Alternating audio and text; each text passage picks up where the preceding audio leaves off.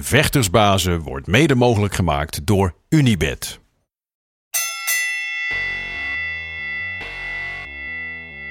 It's time for Vectorsbazen.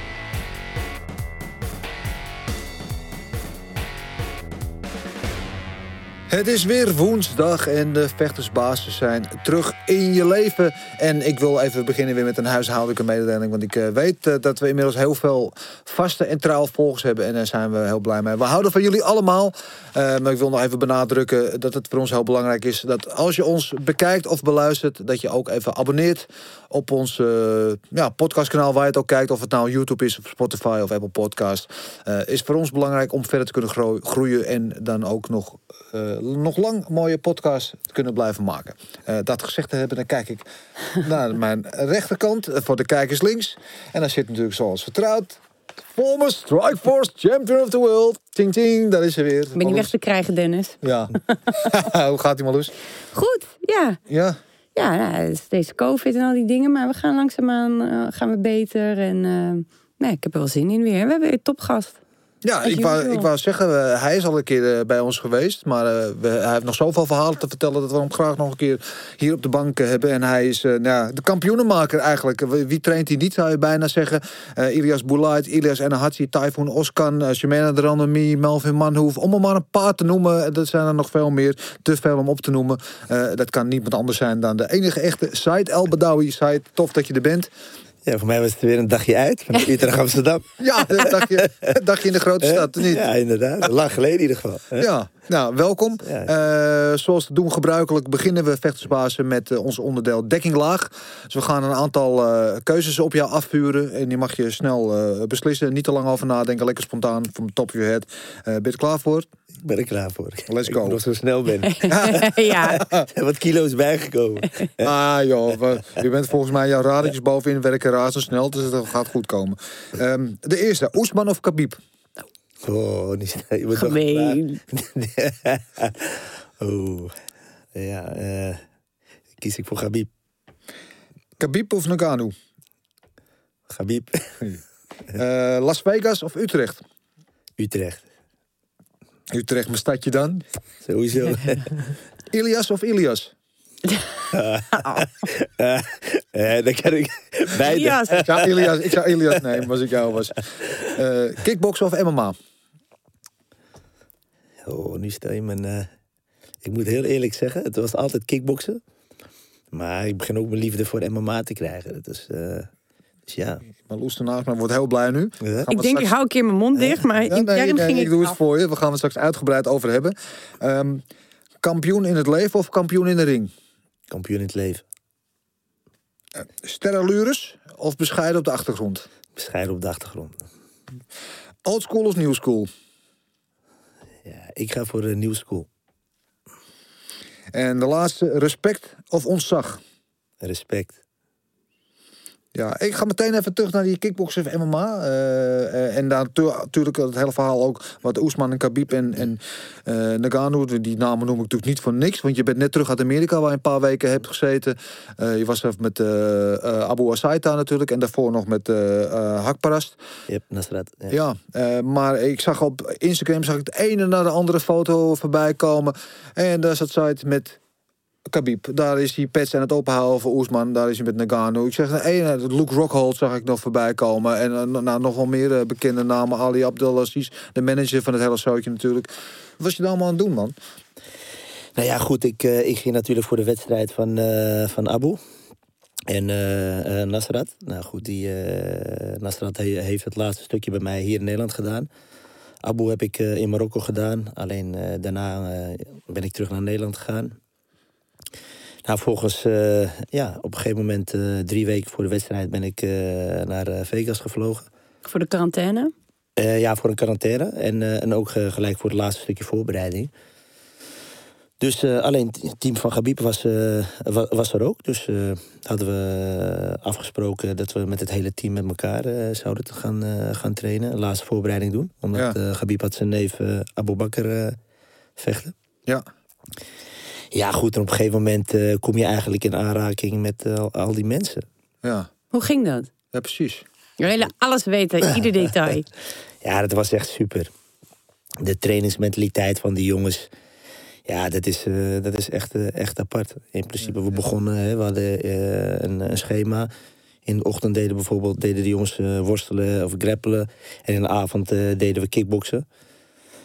Ja, op een gegeven moment, eh, ja, dan zie je hoe die jongens aan het werk gaan. En dat is, eh, dat is echt een petje af. Ja, maar hoe bedoel je dat? Is het dan mentaliteit of eh, wat moet ik dat zien? Ja, mentaliteit, sowieso. De, de discipline die die jongens hebben is één. En die jongens werken echt hard. En eh, wat ik eh, ja, het begin eh, van de, hoe heet het al zei... Hè? tijd is tijd. Hier in Nederland, als iemand te laat komt... Ja, dan zijn we vaak nog geneigd om te zeggen... nou is goed, weet je wat, doe maar mee. Maar daar, één minuut te laat, Ja. komen we er gewoon de les niet in. En het zijn Gabib zijn eigen jongens. Ik gaf meerdere malen ook aan aan de jongens... en luister, wie te laat is, gelijk terug. Je hoeft de les niet in te komen. Ja, die jongens die zijn heel gedisciplineerd. Ja, maar was is dat inderdaad in discipline? Is dat een stukje professionaliteit of is dat structuur? Of... Het is, het is professionaliteit hè? en het is ook gewoon structuur. En die jongens die, eh, ja, die komen natuurlijk eh, uit een, eh, een bepaalde land waar gewoon respect en discipline gewoon echt voorop staat. Ja, en dat zie je gewoon terug ook in hun trainingen. Na de training ook, hey, bedankt coach. Eh, Ze berichten je van, hey, zouden nog eens een keer een extra training kunnen doen. Ja, het is ja, echt, echt respect. Ja, je je spreekt erover op een manier zo van... daar kunnen wij met z'n allen nog wat van leren hier. Ja, we kunnen heel veel van hun leren. Vooral de, hoe heet het, die jongens, die geven echt alles. Elke training, die geven echt alles. Maar ook, ze zijn heel erg humble. Als ik naar Gabib kijk, de hele les. Hij, hij worstelt met iedereen, spart met iedereen. En na de training, dan gaat hij nog voor zichzelf nog cardio eh, doen. Terwijl die jongen al eh, het einde van zijn carrière is. Ja, maar je zegt het bijna alsof... ik noemde net een paar namen op van jongens die jij onder je hoede hebt... en je hebt er nog veel meer, dat weet ik. Ehm, ik hemel jou altijd op als zijn de jongens die uit jouw school komen.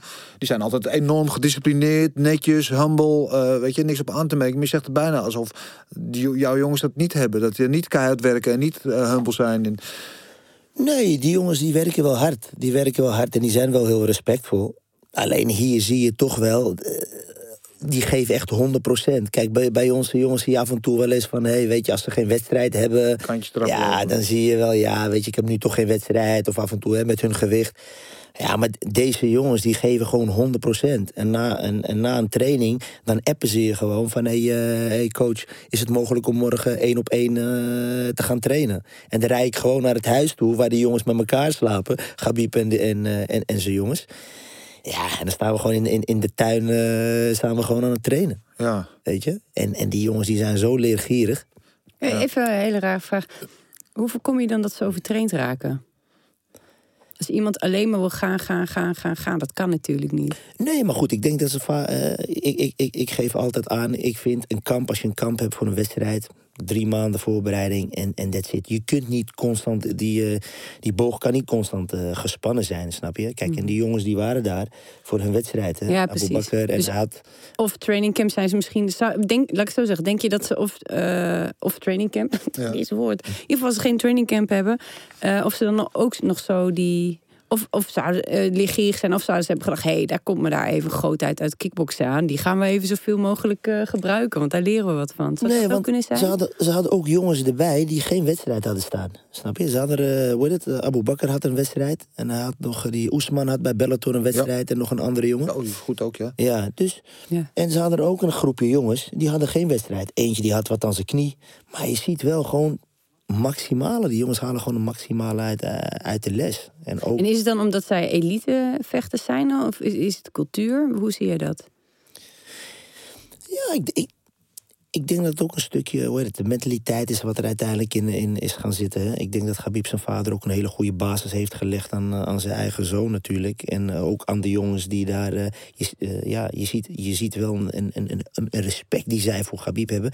Maar ook voor eh Javier Mendes, de trainer van, van Gabib. Het is constant, ze praten constant met u, hè, coach. Ja, dat is, dat is eh, bij ons eh, lopen nog wel eens jongens van oké, na een training en eh op afgroet en ze zijn gelijk weg, weet je. Maar niet, je mist toch wel soms van hé, een beetje de dankbaarheid terwijl je met bepaalde jongens eigenlijk een heel traject hebt bewandeld. Mensen zien alleen maar het stukje van tijdens trainen. Maar wat denk je, je bent met iemand twee weken van huis of een week van huis. Je deelt een kamer met iemand. Je deelt eh, de ruzies die hij thuis heeft met, eh, met zijn vriendin of met zijn vrouw of eh, zijn privé dingen, snap je? Hè? En ehm, ja, je deelt alles met iemand. Denk je dat mensen niet goed genoeg beseffen wat een trainer allemaal doet? Ja, mensen beseffen dat niet. En ook mensen, los van vechters, mensen die veel dingen volgen via social media. Die zien alleen maar een vechter en een trainer, maar die zien niet eh, het stukje erachter. hè. Dat zijn vaak goed de mensen die heel makkelijk oordelen over een wedstrijd of over een vechter. Maar die weten niet het hele traject, het hele Wat, stukje. wat is het stukje erachter? Zou je dat kunnen uitleggen? Het hele stukje, eh, alle eh, uren zweet, tranen, hè, die een vechter, zijn trainingen en zijn privéomstandigheden thuis, maar toch nog hè, blijven trainen, toch nog de motivatie kunnen houden om toch nog naar je trainingen te gaan. Want het is niet alleen maar, hè. de meeste jongens die ik train, die hebben nog een baan naast. Die hebben nog een baan naast, of die hebben nog een vrouw en kinderen. Ja, en ja, toch nog die eh, motivatie kunnen houden. Ja. Nee, ik zei net al het woord, het woord structuur. Ik ga hem weer een keer gebruiken. Want ehm, komt dat, die discipline en, en die opofferingsgezindheid, het harde werk, komt dat echt alleen uit de atleten zelf? Of is het, heeft het ook te maken met de structuur? Want ik sprak bijvoorbeeld Henry Hoofd, hè, die spreek ik voor de Gouden Kooi elke week. En die zei, ja, we moeten niet vergeten, kickboksen is echt veel minder professioneel dan MMA. MMA staat professioneel gezien op een veel hoger niveau. Eh, en dat heeft ook te maken dat die sport en alle voorzieningen natuurlijk veel gestructureerder zijn daardoor. Waardoor je misschien ook die extra, dat extra werk erin stopt. Ja, dat klopt ook wel. Kijk, er zit, er zit gewoon veel meer geld in, in, in het MMA. Je ziet gewoon in, in Amerika, het is allemaal veel professioneler. Alleen hier in Nederland gaan we ook naar een... die- De, de organisaties worden ook steeds professioneler.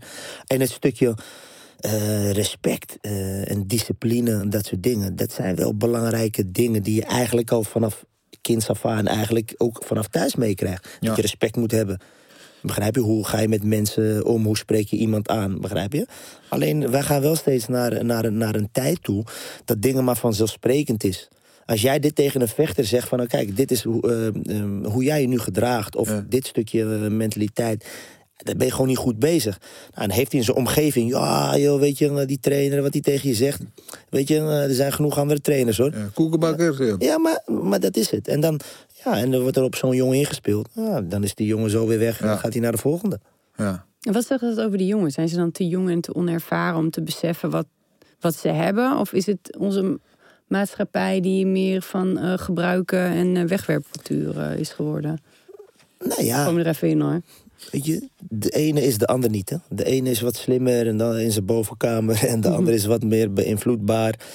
En ehm, ja, op het moment dat ze beginnen, ja, dan is het altijd trainer. Jij bepaalt. eh, weet je, je probeert altijd, altijd in het belang van de vechter. Ik denk altijd in het belang van de vechter. Snap je? En al kost het je geld en tijd, energie, maar je bedenkt eh, altijd in het belang van het vechter. Op een gegeven moment dat ze straks goed doen en in één keer eh, iedereen kent ze, ja, dan krijgen ze zoveel mensen om hun heen en dan weet iedereen het om hun heen in één keer beter. Ah, nee, ik kan beter dit doen, ik kan beter dat doen. Ja, en op een gegeven moment verlies je vaak ook de grip op dat soort jongens. En, en, ehm, hoe zorg je ervoor dat je daardoor niet afgestompt raakt als trainer? Dat je bij de nieuwe talent weer denkt, ja, deze gaan we bouwen. Weet je, kijk, ik heb gewoon liefde voor de sport. En eh, zo hebben meerdere trainers de, dat. eh, voor mij, weet je, eh, voor mij is het allerbelangrijkste dat ik gewoon correct naar iemand ben. En gewoon eh 100% commitment. En dat verwacht ik ook van de andere kant. En als hij dat niet heeft, ja, dan is eh, daar een gat van de deur. Of dan moet hij gaan. Weet je, meer dan dat kun je gewoon niet doen. Is dit, maar zijn- is het ook bijvoorbeeld, en bedoel ik, is het ook bijvoorbeeld dat je vechters test eh, voordat je besluit de energie in te gaan steken? Nee. Weet je, als iemand komt, ik, eh, die krijgt altijd van mij de voordeel van de twijfel. Snap je? En eh, kijk, ik zeg altijd, ik weet niet eh, wat er voor... Sommigen, want soms dan heeft zich ergens iets voor, ge- voor gedaan.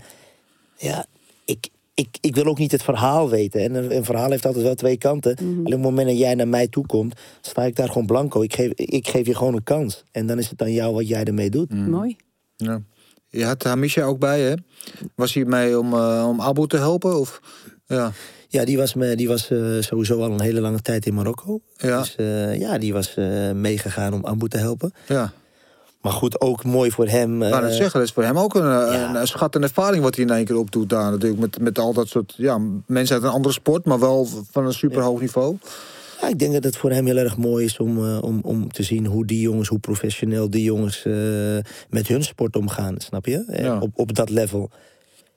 En dat, ik denk dat het hem ook wel zijn ogen geopend heeft van hey, hoe die dat nu voor zichzelf Dat was een vraag inderdaad. Is een eye-opener, ja. gaan structureren. Kijk, en Ha- Hamish is gewoon een, een, een talent. En, eh, maar goed, ik denk dat dit stukje eh, voor hem heel mooi meegenomen is om eh, te kijken hoe die jongens het doen. En Ja. ik hoop dat hij straks daar wat mee gaat doen. Ja. Heeft u Khabib nog in elkaar geslagen? Nee, hij heeft niet met, met Gabib gespart. Heeft hij wel een beetje geproefd aan het grondwerk en zo? Of, Ja, hij heeft wel een beetje meegedaan. En, maar hij heeft wel met die jongens gespart. Hij heeft met Camaro gespart. Hij heeft met de neef van Gabib gespart. Met die Oesman, die jongen die bij eh Bellator zit. ja. Hoe ging dat? Ik ben, ik ben, ik ben groot fan van Hamisha, dat weet je, als, als staande vechter. Ehm, ehm, ik- wij hebben altijd het idee, natuurlijk als arrogante Nederlanders... dat wij als kickboxer natuurlijk op eenzame hoogte staan eh, qua niveau. Eh, hoe verhoudt zich dat als je met dat soort jongens spart? Ik denk dat die jongens waar op een gegeven moment als ze met hem sparren, ze zien Hamisha. Ah, wie is deze jongen? Weet je, als Hamisha een beetje zo ziet, dan denk je van. Lieve ja, het is, jongen. lieve jongen, het is geen. Maar ja, hij heeft ze toch wel een lesje geleerd qua ze- het, het, eh, het staande. Dus eh, uiteindelijk eh, heeft hij wel zijn respect verdiend daar. eh. en eh, die jongens die hem toch wel eh, vragen van... nee, is MMA niks voor jou? Weet je, dus... Ja. En wat zegt hij dan? Ja, ik denk ook wel dat hij het steeds leuker vindt. Maar goed, eh, ik heb mijn visie erover. Eerst gewoon lekker die belt pakken straks bij Glory. En dan eh, kijken wat de, de volgende stap ja. snap je? Oesman is wel zijn gewichtsklasse natuurlijk. Eh, Camaro, ja, ja. Ja. ja. Ja, Kamara Oesman. Ja. Ja, ja, niet Oesman ja, Nurmagomedov. ja. Dat is sowieso verwarrend. Oesman Magomedov, dat zijn twee kampioenen in één naam. Daar snap ik helemaal niks van. Maar, ja, nee, maar eh Kamara Oesman, dat is natuurlijk wel zijn eh, categorie een beetje. Ja. Ja. Jij hebt met, eh, ja, met Camaro ook op de pets gewerkt, hè? ja, ja. ja. Ja.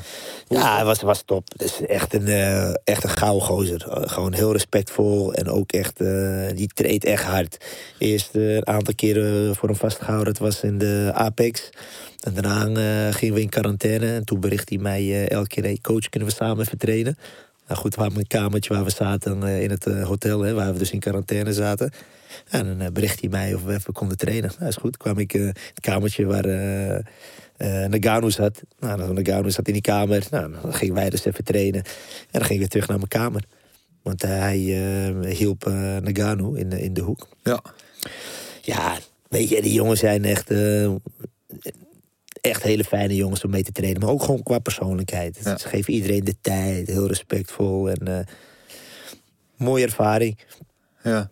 Ehm, over de, meteen even een haakje. Over twee weken is het natuurlijk Kamara Oesman tegen uh, Jorge Masvidal, de, de, de rematch.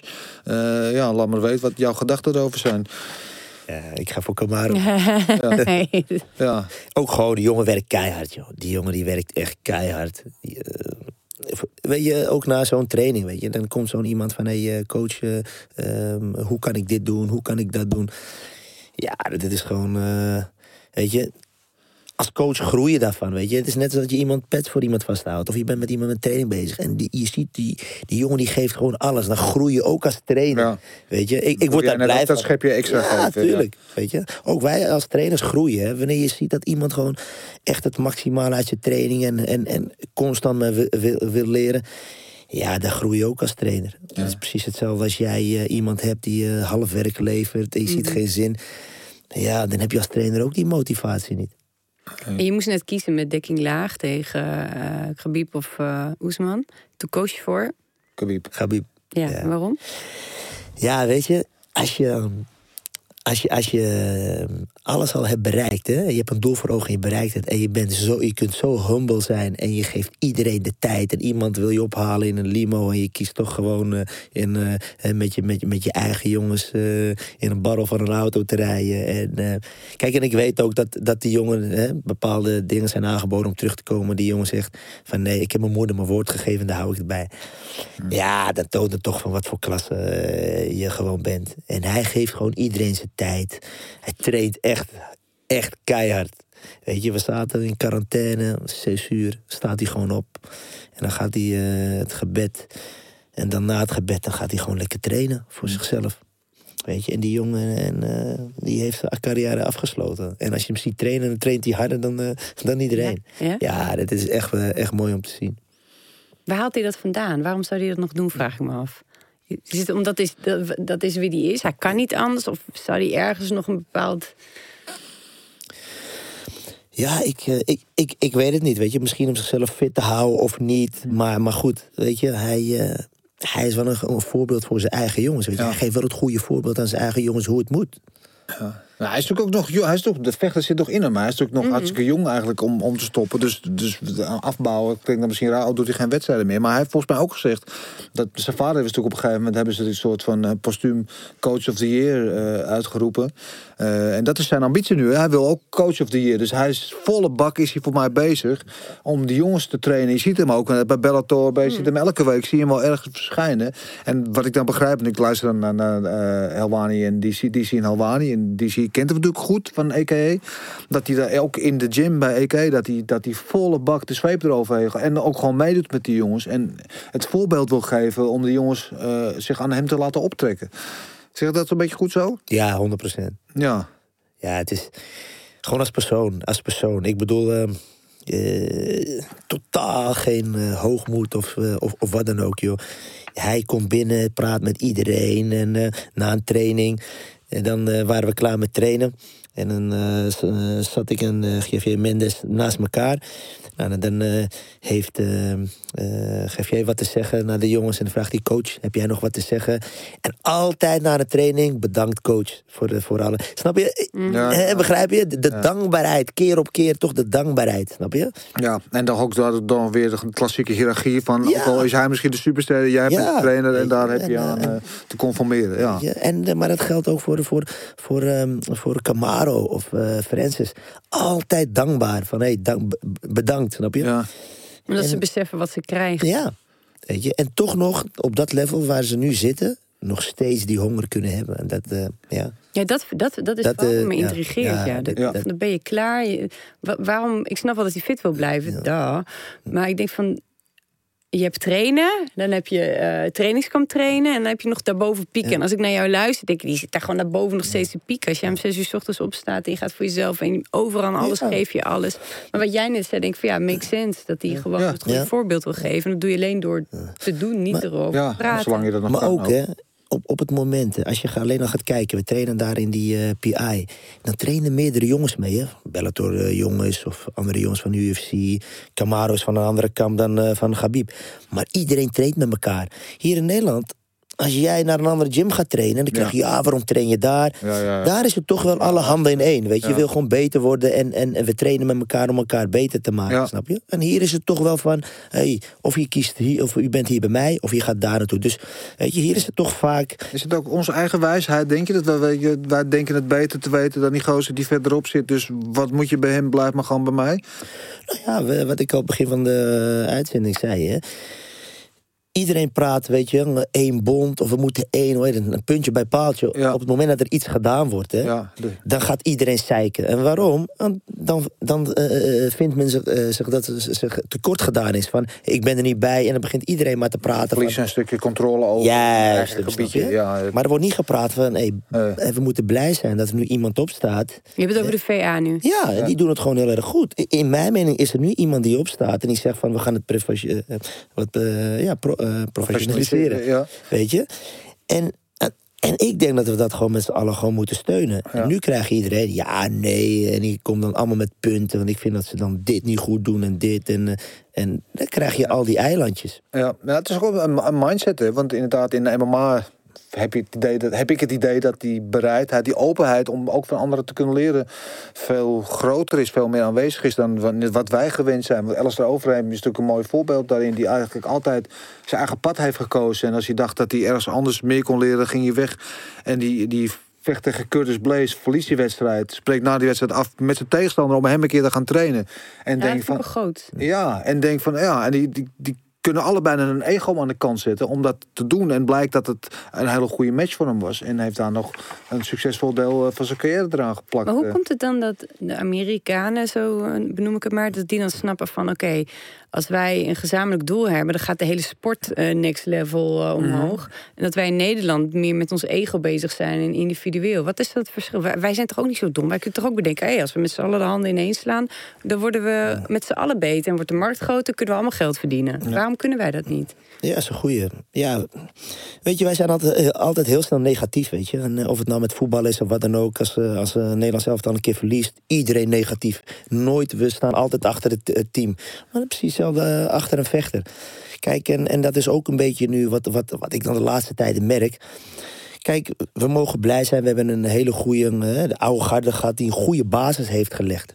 Maar dat gaat altijd dan weer terug naar, ja, vroeger was alles. Hey, er zijn heel veel goede jongens die het gewoon heel erg goed doen. Snap je? Die het gewoon heel erg goed doen. En, en, en, en er is een verschil met vroeger. En het verschil is, tegenwoordig bijvoorbeeld heb je heel veel jongens die ehm, eh, keuzes hebben. Hè? Bijvoorbeeld vroeger, iemand deed heel erg goed op school. Ja, die koos toch voor het vechten. Ja. Die koos toch voor het vechten. Uiteindelijk ging hij vechten en hij werd niet succesvol. Uiteindelijk had hij helemaal niks. Ik heb jongens en meiden in de gym die erg succesvol zijn op school, maar ook in het vechten. Ja. Ik zeg, mijn keus, ga voor je school. Ja. Dan heb je straks een goede basis. Basis om ook terug te vallen. Want je Snap je? wegkeren, als hij er al komt, dan is je beveiligd. Tuurlijk, vroeg, Ja, ja. vro- als we gaan kijken naar de jongens van vroeger... wat voor eh, achtergrond hebben ze? Mhm. Ik ken er heel veel, kan ik je zeggen, die zijn best laag geschoold. Hè? Ja. Dus alleen ja, niet iedereen in deze tijd verkiest het kickboksen... boven eh, zijn andere talent in, eh, in, in school of in andere dingen. Weet je, er zijn heel veel jongens bij mij die bij mij trainen... waarvan ik denk, ja, dat kan wel wat worden. Maar ik support gewoon zijn school, weet je. En ik zeg, jongen, je, je, je hebt ateneum. Ja. Weet je, ik geef hem bijvoorbeeld zo'n boelheid bijvoorbeeld. Ja. Ja, die heeft zijn, eh, wat is het, gymnasium gehaald, begrijp je? Dus, dus hey, je school is eerst belangrijk. Het, het, het, het, het, het kickboksen of je MMA is, is... Als je je school hebt gehaald en, en het gaat goed... Ja. dan kun je, dan heb je altijd iets om terug te vallen. Ja. En Nou ja, maar om even bij Amerika te blijven, dat kan natuurlijk ook heel goed samen. Bedoel, daar zit natuurlijk, maar dat is ook, dan komen we weer terug op structuur. Dat is een beetje het stopwoord van vandaag. Hè? Ehm, dat is waar natuurlijk worstelen en, en, en sport op een professioneel niveau in het schoolsysteem zit ingebakken. Waardoor het natuurlijk eigenlijk hand in hand gaat. En dat is zo. Ja, wat, wat je eigenlijk idealiter wil hebben. Dat is ook zo. Kijk, je weet voor de, voor de sport wat voor offers je daarvoor moet brengen. En Ja. ehm, als jij, eh, als jij eh, ja, je doet heel erg goed op school. Ja, dan weet je soms ook dat je eh, toch aardig wat werk daaraan eh, aan hebt. Ja, dan moet je keuzes maken. Je kunt dan niet zeggen, weet je wat, ik ga vijf dagen in de week trainen en eh, alles daarvoor laten. En dan komt je school op plan B. En ik denk dat de jongens en meiden tegenwoordig daar veel bewuster mee omgaan. Omdat ze zoiets hebben van, oké, wat brengt het kickboksen of het MMA mij nu op? En niet iedereen is uit het juiste hout gesneden. Je ziet ook heel veel jongens en meiden die zijn heel talentvol.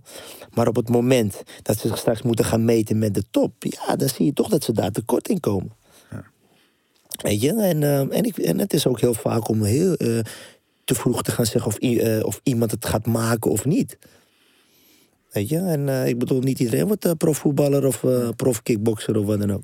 Over, Ja, aan de andere kant denk ik, ik ken bijvoorbeeld ook meiden die hebben de dansacademie gedaan. De dansacademie is echt zwaar. ja. Zwaar. ik gooi hem er bijna uit, ik me in. En maar wat die zeggen, die hebben het niet gered als dansen. Maar wat ze zeggen is van, ik heb daar zo ontzettend veel geleerd. Ik heb geleerd te werken en allemaal dat soort Ja, dingen. Dus daar, daar is de martial ja. arts denk ik al helemaal eh, geschikt voor. Ja. Dat je zo met je lichaam bezig bent, het contact maken, pijn, teleurstellingen, al die dingen.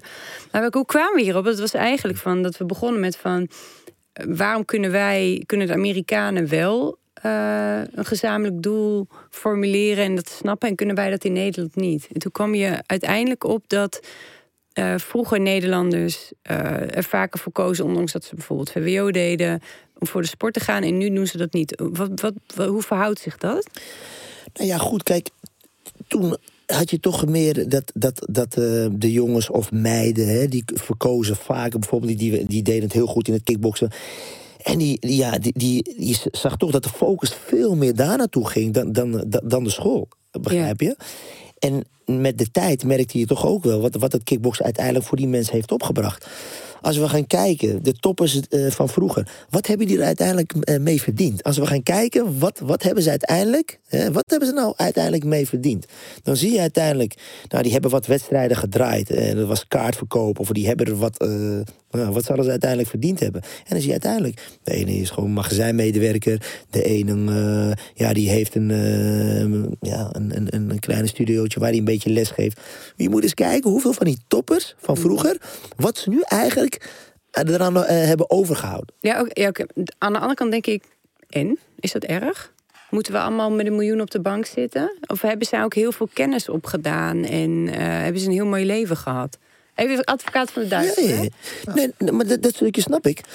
Maar er zijn er ook heel veel van die aantal die het bijvoorbeeld op school heel erg goed deden. Die hadden bijvoorbeeld ook een hele goede diploma kunnen halen. Dat is een wat betere Waren ze dan ook gelukkig? Ben je ge- zou je er gelukkiger... Ik zeg het namelijk ook, ik heb nee, zelf nee, die keuze gemaakt. Tuurlijk. En ik ben er heel gelukkig van. Ik, ik was net begonnen met kunst- en cultuurwetenschappen. En toen werd ik kampioen in Japan. En dacht ik, lul drie bier, ik ga voor die kooi. Ik heb later nog wel communicatie gedaan. En zelfs afgemaakt, daar niet van. Maar dat heb ik ook gedaan met...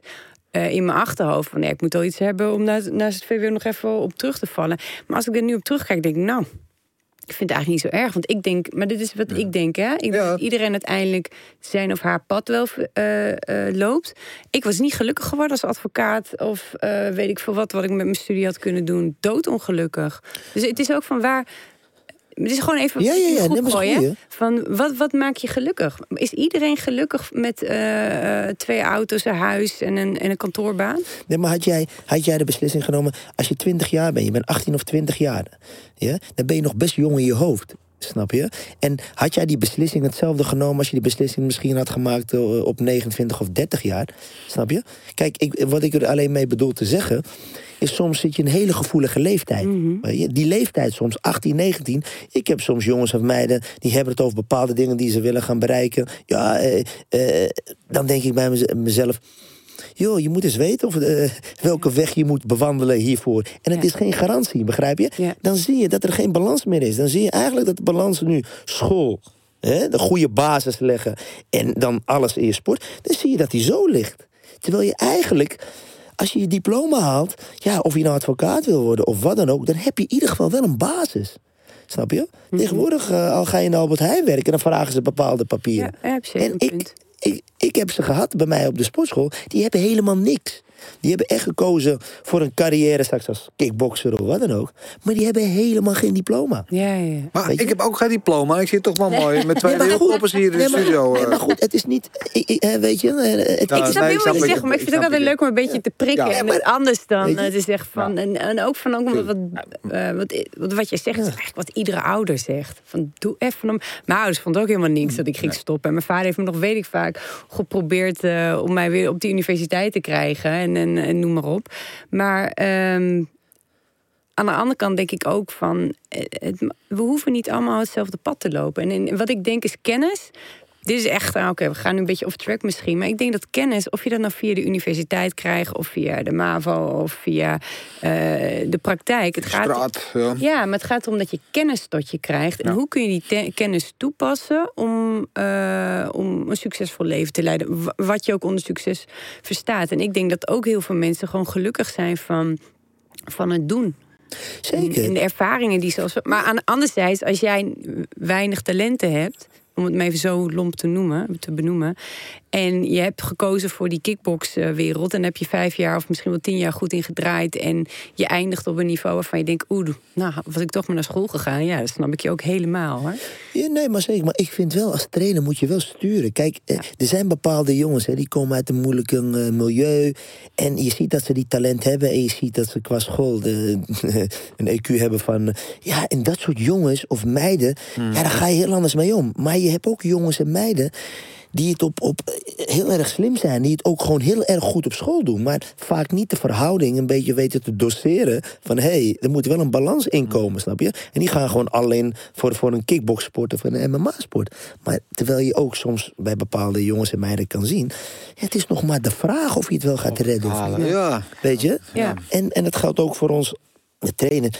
Ja, niet elke goede vechter hoeft een goede trainer te zijn. En, hè, begrijp je? Tuurlijk, op Snap je? mag nog geen goed ruiter zou komen. Snap je? Dus- zeggen. Weet je? En, Zo, een quoteje erin. snap je? Dus, Ja. Wat maakt een goede trainer? Ja, goede trainer. Weet je, ik, eh, wat belangrijk is, is eh, wat ik vind, de bepaalde e- elementen is gewoon dat je, dat je gewoon zeker bent in je zaak. En, en ten tweede ook gewoon ehm, ehm, eh, blijft leren. Gewoon je eigen, je eigen visie. Als je een bepaalde visie hebt, sta erachter. En ten tweede blijven leren. Innovatie. Ik vind gewoon innovatie Maar je eigen, belangrijk. visie, je eigen visie hebben, sorry dat ik je in de reden Nee, maar nee. ehm, je eigen visie hebben, maar dus wel eh, je kwetsbaar durven open te stellen Ja, naar andere denkwijzen. Denkwijze. Dus wel niet, niet, niet wat we het net over hebben, de, visie, de, de blik gesloten houden, maar wel openstaan voor andere invloeden. Dat sowieso. Ja. Nee, ik bedoel puur met, met eigen visie. Dat je, je, je hebt een bepaalde doel voor ogen. Mhm. Snap je? En, maar dat je wel open staat voor, voor, voor, voor verandering. Begrijp je? Ik bedoel, je kunt van iedereen kun je wat leren. Ik bedoel, ehm, ik was in Amerika. Ook ik zie daar weer bepaalde dingen. Hé, hey, dat kan ik meenemen in, in, in, in mijn dingen. En, en zolang je blijft leren, trek je de sport ook naar een, een hoger level. Ja. En dat is een beetje het eh, wat ik heel erg belangrijk vind. We hebben ook heel veel vaak trainers die zeggen: nee, dit is het. En, eh, en hier hou je het bij. Maar innovatie, ik bedoel, eh, als we kijken naar de auto's van 30 jaar geleden en de Ja. auto's van nu, ja, dat ziet er Nee. heel, heel anders uit. Maar het kickboksen van 30 jaar geleden ziet er ook heel anders uit dan nu. Ja, maar, maar, maar je ziet toch wel dat de jongens zijn die het naar een ander level steeds brengen. Ja. Je ziet, eh, net als met voetballen, balbehendigheid. Je ziet dat die jongens steeds meer handiger met die bal worden. Hun motoriek is steeds meer eh, Hmm. beter. Dus Ja. Dat, dat is ook met het kickboksen. ja. Heb je ook eigenlijk van Nagano eh, pets opgehouden? Nee, van de Gano niet. Lekker heel, ik, ben, ik ben wel heel benieuwd hoe dat voelt. Oeh, ja. Als je 125 kilo of eh, wat is het, eh, even full power door je heen rost. Ik had met Trevor Whitman veel tegenwoordig, toch? eh, eh, oh nee, dat Oesman bedoel ik. Nou ja, ehm, natuurlijk met de Dewey Cooper traint hij altijd. Hè. Ik zou uh, Dewey Cooper niet graag willen zijn. eh, Dan moet je echt een topchef trappen zijn en die klappen moeten vangen. Ja. Ja, maar goed, eh, zonder gekheid. Ehm, je zei natuurlijk ook in, bij, door, bij Dekking Laag, kickboksen en MMA. mm, moest je net te lang over nadenken Ja. om volmondig kickboksen te zetten. Hoor. Ja, natuurlijk eigenlijk gewoon puur helemaal 100% kickbox bent. Nou Ja, ik, ik, ik vind, ehm, weet je, het, het, wat ik het, het, het, het mooie er eh, aan vind, is je kunt op verschillende manieren kun je gewoon winnen. Je kunt gewoon staan iemand helemaal eh, je- de overhand hebben in een wedstrijd. Ja, iemand shoot je en, en, en uiteindelijk een. eh, Je rijdt, ja. gaat licht uit. Dus ja. je kunt op verschillende manieren kun je een wedstrijd gewoon winnen. Ja. En, en ehm, ja, Is het de vrijheid eigenlijk die je in het MMA zo mooi vindt? Zeker. Zeker. En eh, ja, het, het is, het, er komt gewoon veel meer bij kijken. Op het begin vroeger dacht ik ook altijd van ja, op dat op de grond. Nee, maar je ziet toch wel uit bepaalde hoeken, eh, bepaalde bewegingen die iemand maakt om toch bijvoorbeeld door een armbar of eh, een choke. Snap je? Dus ja, het, is- het is, het, is, je, het, het mooie is, je kunt gewoon winnen uit, uit verschillende mogelijkheden. Ja, je Is kan op een stoot lopen. Is het ook leuk voor jou, omdat je, je weet natuurlijk alles van kickboksen, maar je moet natuurlijk aanpassen voor MMA, dat je als trainer ook weer nieuwe dingen moet leren en nadenken. En voor mij is het ook weer een nieuwe leerschool, weet je. Dus je leert steeds meer van, van, van, van, van, van andere trainers. eh, die dan veel langer eh, in dat veld dan lopen. Eh, en en dat, nu ben ik weer de leerling. En dat, dat vind ik ook wel weer mooi. nou ja, je bent natuurlijk niet de leerling op het staande nee, aspect. nee, nee, hè? maar wel op het stukje... Dat, hè, Het. Ja, maar ik heb het over het staande aspect. Hoe, hoe is het voor jou nu, omdat je het staande aspect natuurlijk anders moet? Je stance, al die dingen zijn anders. Geen dubbele dekking, al Nee. die dingen. Ehm, is dat voor jou dan ook weer een soort van... ja, we kunnen het, eh, het, het kickboksen moet ik weer anders bezien. Ik moet erover gaan nadenken van hoe kunnen we tweaken... zodat het voor MMA geschikt is. Heb je dat? Ja, ik, ik- het is blijven denken elke keer van... oké, hey, eh, in normaal in kickboksen kun je dit wel doen... maar in MMA kun je dat niet doen. Hoe ga ik daar weer een oplossing voor vinden om het dan... Wat Dus zie je? ja, je gaat steeds eh, andere dingen zien... en andere, in andere oplossingen denken. Begrijp je? Dus, dus dat, ja, dat stukje is ook weer nieuw, weet je. Normaal, eh, je weet, eh, heel simpel... je geeft een jab en je stapt niet terug makkelijk voor de shoot, snap je? Nu weet je van, hé, hey, toch je voorste been controleert je jab, dat je terug, dat je niet eh, geshoot kan worden op die voorste been. Ja. Neem je ook dingen mee uit MMA bijvoorbeeld? Dat je denkt, hey, dat is niet wat we meestal doen in kickboksen, maar dat kunnen we wel gebruiken in kickboksen. Zeker. Ja. Kun je daar een voorbeeld van geven? Nou ja, bijvoorbeeld, ik geef maar een voorbeeldje. Het, het, het dreigen bijvoorbeeld, je dreigt alsof je eigenlijk naar, naar het, eh, bijvoorbeeld voor een shoot ja. gaat. Bijvoorbeeld, je komt in één keer in- met de links-rechtse. Ik zag toevallig heel mooi, er was een, een jongen dan van Gabib. Die maakt een soort fake alsof hij eigenlijk, eh, zeg maar, eh, eh, naar beneden gaat, snap je? En hij geeft in één keer links-rechts en raakt hem gewoon op de Ja. kin. Ja. Ja. Weet je? Iets als de, want daar staat ik zelf aan te denken. Iets als de calf kick is nu helemaal eh, happening hè, in, in MMA. Het is eigenlijk een soort van game changer. Nog niet zo heel lang, sinds een paar jaar dat het echt een opmars is. En je ziet gewoon mensen die dat goed uitvoeren. Ja, het is gewoon heel moeilijk. Het is niet te blokken en eh, ehm, het is dodelijk effectief. Want de drie eh, trappen op je, op je kuit. En ja, je kan, McGregor hebben we het laatst nog gezien. Ehm, en het kickboksen, ik denk dit is ook iets wat het kickboksen heel effectief is, lijkt mij. Eh, maar nog niet zo vaak gezien eigenlijk. Is dat iets wat je denkt van. Ja. ja, weet je, ik durf dat niet 1, 2, 3 te zeggen. Want weet je, het verschil is va- vaak ook, als we gaan kijken in MMA, hoeveel jongens er blokken. In het kickboksen Ja. zijn er jongens die wel blokken. Ja. Dus ja, als jij met die kef, kef, kef kick komt en iemand blokt hem goed kort, ja, dan kan het ook een hele vervelende. eh, Ja, maar dat is dan ook wat het traditionele eh, low kick blok, hoe je normaal doet, werkt niet bij een calf kick. nou goed, Dus als je hem goed je kort goed- naar buiten blokt, blok als je hem erin kort inderdaad, ja. als je Ja, hem voor de goed mensen die denken, waar de fuck hebben ze het over? Kunnen jullie het even wat beter uitleggen? Dat ze het ook snappen. Van hoe blok je een traditionele eh, low kick en hoe moet je een calf kick? Maar je moet het wel zitten doen, want anders dan hebben we geen geluid. Gaat het lukken? Ja, dit is wat moeilijker van me, hoor. Ja, goed, kijk, bij een low kick kun je been, hè, je tenen naar buiten. Dus je blokt hem Ja. meer op naar buiten. Kijk, en bij een korte blok eigenlijk, hè, draai je hem eigenlijk 45 graden. Kort, dus je, je tilt dat been niet te hoog op. Begrijp je? Want die calf kick is eigenlijk bedoeld om op, op de kuit. Ja. Kijk, en als je hem kort opblokt, 45 graden draait... Ja. Ja. dan komt hij tegen het harde stuk aan. Ja. En als je dat één of twee keer doet... Ja, dan is het toch wel heel erg vervelend. Ja, dat is niet fijn, ja. Nee, maar goed, als je gaat kijken, we hebben een aantal wedstrijden eh, eh, gehad in het kickboksen. Waar iemand gewoon goed blokt en waar je, waar je ziet in één, in één keer dat iemand goed zijn scheenbeen Ja. breekt. Tijdens Sprong, eh. Een voorbeeld van. Ja, ja, ja. Ook in de wedstrijd, volgens mij was het van Lloyd van Dams. Ja. Lloyd van Dams. Iemand trapte een die ge- gozer, goede, goede blok. Ja. Waarbij hij dus zijn scheenbeen eh brak.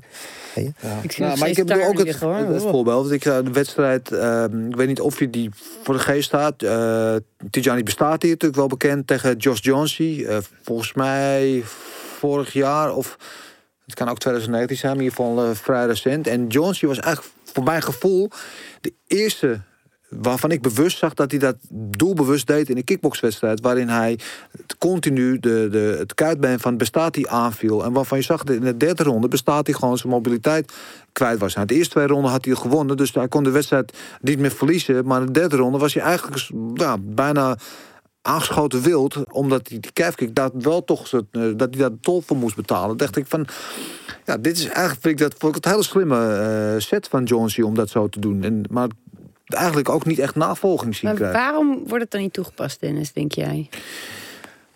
Nou, misschien wel hetzelfde waar we het net over hebben. Toch de, de eh, gebrek aan, aan of de gebrek aan de wil om te innoveren, om andere dingen uit te proberen. Toch vasthouden aan wat je, wat je kent. Terwijl ik denk, ja. Maar je hoort ook van jongens, hè, nu, want veel kickboxers zijn een beetje aan het switchen. Want er zijn geen wedstrijden. Die kijken ook met de schuin nog naar MMA. Kijken of ze daar misschien nog een, een boterham of een carrière eh, kunnen opbouwen. Ehm, en die, die, die merk je ook dat ze ook anders gaan kijken naar hoe ze stoten en hoe ze trappen. Omdat de afstandmanagement en alles aan de dekking, alles is anders met MMA. En dat weer mee terugnemen naar het Is dat kickboksen. een verhaal van Hesdy? Nou ja, dus om maar, om maar eentje te noemen. En, en dan Boelight heeft dat natuurlijk ook eh, doorstaan. Ehm, ik, geloof, ik geloof wel dat dat uiteindelijk ook onderdeel is van de evolutie van de sport. Maar dat gaat mij tussen de sporten feitelijk. ja, ja. En MMA wordt natuurlijk steeds groter. En is natuurlijk de, de, de leidende martial arts eh, nu. In, Nederland zijn we gewoon jarenlang blind geweest. Dat we die, omdat we het Ja. vin- vinden en vonden we zo tof dat we niet bereid waren om buiten de landsgrenzen te kijken. Nou, of buiten de sportgrenzen moet ik eigenlijk Ja. zeggen. Te kijken, want is er nog meer. En die, Ja. daarbij hebben we echt wel een, een afslag of een boot whatever gemist. Ja, maar ik heb wel het idee dat we een inhaalslag aan het maken zijn. Nou ja, en ik denk ook dat met eh, de kennis eh, aan trainers en het niveau van de vechters, dat, dat, dat roep ik al jaren. Ik denk dat die overstap heel, vrij gemakkelijk Nee. te doen is, mits het op een goede manier doen. Ja. Ze moeten niet ineens een eh, grondvechter willen worden, maar je moet gewoon slim aanpakken. En, eh, Ja, wat ik denk, denk, jij daarvan? Ja, zeker. Kijk, wat ik wel denk, wat verschil is hier eh, in, eh, in Nederland en Amerika. In Amerika hebben ze alles onder één dak. Hier heb je nog Ja. een beetje het verhaal. Iemand doet ze worstelen daar, Ja. doet ze BJ daar en doet ze staan daar. Dus eigenlijk, hè, men is niet op elkaar ingespeeld. Snap je? Als je gaat kijken in Amerika, hebben ze eigenlijk iedereen onder één dak. Nou, ik weet ook wel heel veel Nu, die Ja? heel veel reizen hoor. En ook dat je denkt, boh, dat is niet gezond zoveel reizen. Maar je- ja, ik denk wel dat wat je zegt als je bij een Henry Hoofd zit of waar Ja, jij dan bent heb je- geweest bij de echte Of top. Dan heb EKE je- of? EKT. Of, Ja. ja. En, en, en, en, en het feit is, ze hebben daar gewoon hele goede. ehm ze investeren ook. Dat doen die Chinezen ook. Hè. Die investeren, die halen gewoon een goede staande coach, halen Ja. een goede worstelcoach. Halen, die hebben alles. Kijk, en, en dat zie je ook in Amerika. Ja, Henry doet het heel erg goed. Ja. Hij heeft een goede worsteltrainer. Hij heeft gewoon alles onder één dak. Dus Zou, wat, zou dat voor jou zijn, eigenlijk, zoiets? Wat Henry Hoofd heeft gedaan, om daar je, je bies te pakken en daar te beginnen en je helemaal... Want hij heeft wel behoorlijk succes, kan je zeggen. Ja, hij zit daar al een hele lange tijd. Ja. Voor mij, ik heb hier drie jonge kids. Weet je, ik heb drie jonge kids en eh, ik heb nieuw, net een eh, nieuwe sportschool. Nee, weet je, ik. eh, Ja, ik- misschien niet nu, maar misschien over, weet ik wel, vijf jaar. Of, Nee, ik, ik, weet je, ik vind het wel leuk af en toe om, om, om die kant op te gaan. Om een keer eens die jongens daar iets te leren of eens wat dingen mee te pikken.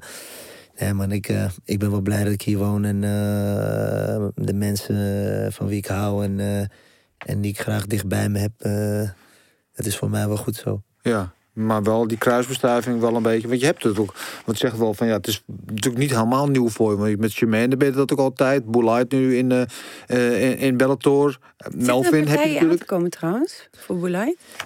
Ja, we zitten eigenlijk te wachten, want we hadden een eh, aanbod voor april. Alleen vanwege de Ramadan. Ik uh, Ah. de Ramadan. eh, Ja. Dat vertelde hij toen hier, dat ja. hij hoopte dat het voor die tijd zou gaan Ah. gebeuren. Maar ja, ja. Ja. Dus eigenlijk eerst in lijn is nu is Typhoon zitten we te wachten op 28 mei. Dus we wachten nog op een tegenstander. Dus dat zal eigenlijk de eerste in lijn zijn. Maar voor Boulay is er vanuit Bellator nog niet een offer Nee. voor ma eh, Nee, dat was april. juli. Nee, het was april was er. Alleen eh, ja, vanwege de Ja, Ramadan. makes sense. Ja. Sorry dat ik er doorheen tetterde. Nee. Ja, nee, maar niet ik, Nee. ik, ik ben een groot fan Of van het, nu we het toch over Typhoon hebben, inderdaad. Want die heeft natuurlijk eh, bij, heel bewust toen voor, voor One gekozen. Nou, het is voor, en voor mijn gevoel is het al twee jaar geleden. Maar eh, misschien iets korter. Maar in ieder geval al een hele poos. Dan moeten ze de debuut nog maken. Ja, die heeft nu anderhalf jaar denk ik niet gevochten. Ja, Eh, dat, dat heeft ook een beetje te maken aan de kant van, van onszelf. Het had puur te maken dat eh, bij One is het altijd zo. Je moet een hele medische eh, test doen. Voordat je überhaupt gaat vechten. Dus hersenscan, hele lichaam wordt Mhm. gecheckt. Je bloed, alles wordt gewoon gecheckt. Mhm. En uit de scan bleek dus dat uh, Typhoon een, uh, een kleine bloedingje had. In, uh, dus uit, aan de hand daarvan. Ging de wedstrijd in ieder geval konden ze hem niet plaatsen. Toen wouden ze toch wat meer onderzoek uh, uh, hebben. Ja. Voordat ze hem überhaupt. Dus uh, voor, uh, überhaupt dat hij gekleerd werd om te kunnen vechten. Dus ja, en je weet met de corona, afspraken, dat soort dingen. Ja. Ja, dat gaat allemaal niet zo makkelijk. Nee. Er is uiteindelijk heel onderzoek geweest. En uh, ja, dat scheen dus geen, geen kwaad te kunnen. Oké. Okay. Dus, dus hij is gekleerd nu? hij is nu gekleerd. Nu wachten we eigenlijk op, op, op een tegenstander. Ja, hij, we hadden hier nog niet zo lang geleden Andy Sauers zitten. Die heeft natuurlijk tegen Typhoon gevochten en verloren. En die wil heel graag een herkansing. Wil dat heel graag nog een keer opnieuw doen. En ik zag Typhoon volgens mij iets op social media posten... afgelopen week dat ook een beetje in die richting hinten dat hij het zou nog wel uh, zou willen doen. Speelt daar iets? Is dat, is dat iets wat nee, gaande is? Niet dat ik weet. In ieder geval, ik weet gewoon dat Typhoon is gewoon een hele lieve jongen. En die werkt gewoon keihard. En ja. uh, uh, dat is Andy ook. weet je, dus uh, ja, weet je, ik bedoel, eh, je zit in die 70 kilo. Het zijn allemaal goede jongens. Ja. En, uh, een soort Murderers Row daar. Die, ja, die dus, liggen, ja. ja. dus ja. Maar jij als coach zou je dat adviseren, zien zitten, goed vinden? Joh, ik, ik, uh, ik wacht gewoon op een belletje tegen wie hij staat. En uh, als wij daar vrede mee hebben, dan, uh, dan staat gewoon die wedstrijd. En uh, ja, ik bedoel uiteindelijk, je, je tekent ergens voor. En je zit in die 70 kilo uiteindelijk, zul je tegen iedereen daar moeten staan. Je kunt niet zeggen, ik wil wel tegen die en tegen die niet. Nee. Weet je, het enige, misschien waren we wel een beetje, ik dan een beetje op zou hameren. Hij heeft een hele lange tijd niet gedraaid. Ja, weet je, je uh, ik ben niet voorstander. Er zijn een aantal daar die al drie keer een jaar hebben gedraaid. Ja. En die in ritme, kijk, Mhm. mm -hmm. ja, het is toch langer dan anderhalf jaar die niet gevochten heeft. Dus ritme is ook wel een belangrijk. Uh... Ja, dus niet meteen tegen Petrosian. Nee, nee, daar zou ik geen voorstander van zijn. Nee, nee. Maar Andy Sauer, die heeft wel nog afgelopen december gevochten. Mm. Maar is natuurlijk al uh, wat een veteraan. Het klinkt zo onaardig, maar uh, ja. Wat meer in de herfst van zijn carrière, als ik het zo beetje Maar natuurlijk wel topfit. Veel ervaring. En die is gewoon een hele goede vechter. Uh, weet je, ja. ik zit niet eigenlijk op die wedstrijd gewoon te wachten. Weet je waarom? Nee. Ik vind Andy een hele lieve jongen. En ik heb eigenlijk twee jongens die ik gewoon, gewoon ken. Het liefst niet tegen elkaar. Nee. Maar goed, weet je. eh, voor nu zijn er genoeg jongens in de 70 kilo klasse tegen wie Typhoon kan, kan staan. En goed, als eh, zij uiteindelijk zeggen van die wedstrijd eh, moet er komen. Ja, Ja, dan eh, zo zo zo be it. oké. Ik zit ook te denken, qua marketing is het natuurlijk ook interessant om... Ik weet niet of... Komt hij voor Turkije uit? Ja, ja, ik- Ja, oké, oh, dan kan het dan wel weer. Dan heb je Nederland-Turkije natuurlijk. ja. Ja. Ja. Ehm, blijf even in die One Championship eh, hoek. Want eh Ilias, andere Ilias, Inahachi. Ehm eh, we hadden natuurlijk samen met de Boeluit hadden we hem op de bank hier. eh het het titelpas eh, verdedigd. Afgelopen weekend was, eh, of eigenlijk vorige week alweer, eh DJ, Demetrius Johnson. ja, ja. Ging daar een knock-out op een... eh, nou ja, kreeg een knie op, van een, eh, terwijl hij op de grond zat. Waar, hij- waar hij zelf voorstander van was. Ja. Daar mag hij niks over zeggen. Nee. Eh, maar die had daarna wel eh, iets geroepen, de, Demetrius Johnson, dat hij het kickboksen misschien ook wel een keer wilde proberen bij One Championship. Eh, natuurlijk dezelfde gewichtsklasse als Ilias en Haji. En Ilias die zei daarna, die zag van de week of gisteren volgens mij op zijn Instagram, van nou, eh, ik hoor dat je wil kickboksen tegen Demetrius Johnson, let's do it. En wedstrijd kickboksen en dan gaan we daarna ook een wedstrijdje MMA doen. Goed plan of niet? Ik, eh, ik denk dat het wel fair is, denk ik. Huh? Toch? Ik, eh, ja, weet je... Kijk, de, die jongen is een... eh, hè, Dimitri is gewoon een legend. eh, Ja, we gaan 100%. kijken. het. En goed, ik denk wel dat het fair is eh, hè, als, jij, eh, als, jij, eh, als jij je eerste kickboxpartij gaat draaien. Om En, dan tegen een Ja, dat wou ik net zeggen. Ik weet niet of het een Ja, maar dat zeggen we, ik denk wel dat iedereen. Ilias gehakt van hem maakt, toch? Op kickboxregels, lijkt mij. Ja, goed, weet je. Ik, onder, ik zeg altijd, je moet nooit eh, iemand onderschatten. En eh, iedereen kan tegen een stoot aanlopen. Dat is waar. Ook, Maar waarom zou hij weer gaan kickboksen? Heeft hij dat ook eh, gemotiveerd? Eens een keer wat anders proberen, ja. Misschien dat hij toch eh, zo lang in het MMA zit. Heel veel, eh, we kennen heel veel gasten uit de MMA die dat heel tof vinden. Die ook wel eens een keer dat kickboksen willen doen. Misschien dat, misschien wel een keer iets nieuws doen. Zichzelf weer een beetje prikkelen, motiveren. Ik weet het niet. Wat denk jij? Ja, kijk, ik kan me wel wat, bij voorstellen. Dat heb je nu ook steeds meer onder kickboxers, weet je. Als jij... ehm, kijk, ik had het ook het gesprek met, met Boleid en met Ilias beiden. Als je al zoveel kickboxwedstrijden... en er valt eigenlijk niks meer te behalen... Kan ik, en, en je wilt jezelf blijven motiveren. Ja, en ja, dan zul je soms eens moeten gaan kijken van... oké, hoe, hoe is dat dan? Want ik bedoel, als je gaat kijken... Boleid, volgens mij, die heeft honderd nog wat eh, wedstrijden alleen op kickboksen. En, en hetzelfde ver- verhaal met, met, met, met Ilyas en Hashi. Die zeggen, ja, maar Said, ik ben eh, vier of vijfvoudig Infusion kampioen. Ik ben Blade Japan kampioen. Ik ben WFL kampioen. Ja. Ik ben nu drie keer One Championship kampioen. Wat moet ik nog in het kickboksen dan, dan, dan, eh, dan behalen?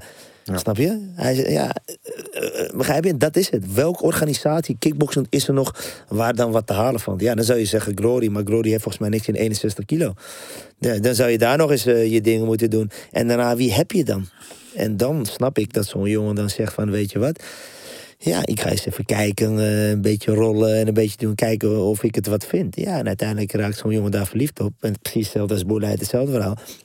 Ik weet van Ilias dat hij niet zomaar gezegd heeft: ik ga, ik ga MMA doen. Ja, die is, is een beetje gaan BJJ'en. Die heeft daar een tijdje eerst het een en ander gedaan.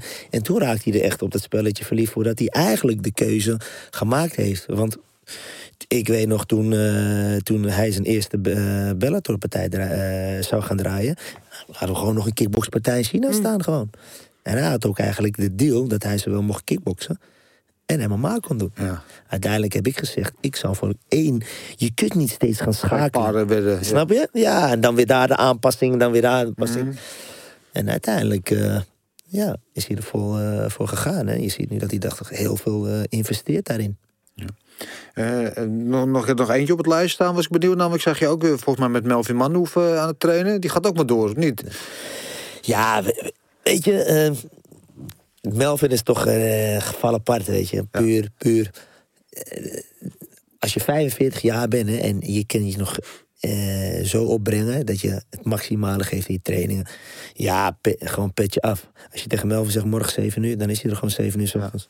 Weet je, en als je kijkt tussen al die jonge jongens, ja, dan treedt hij gewoon eh, echt keihard.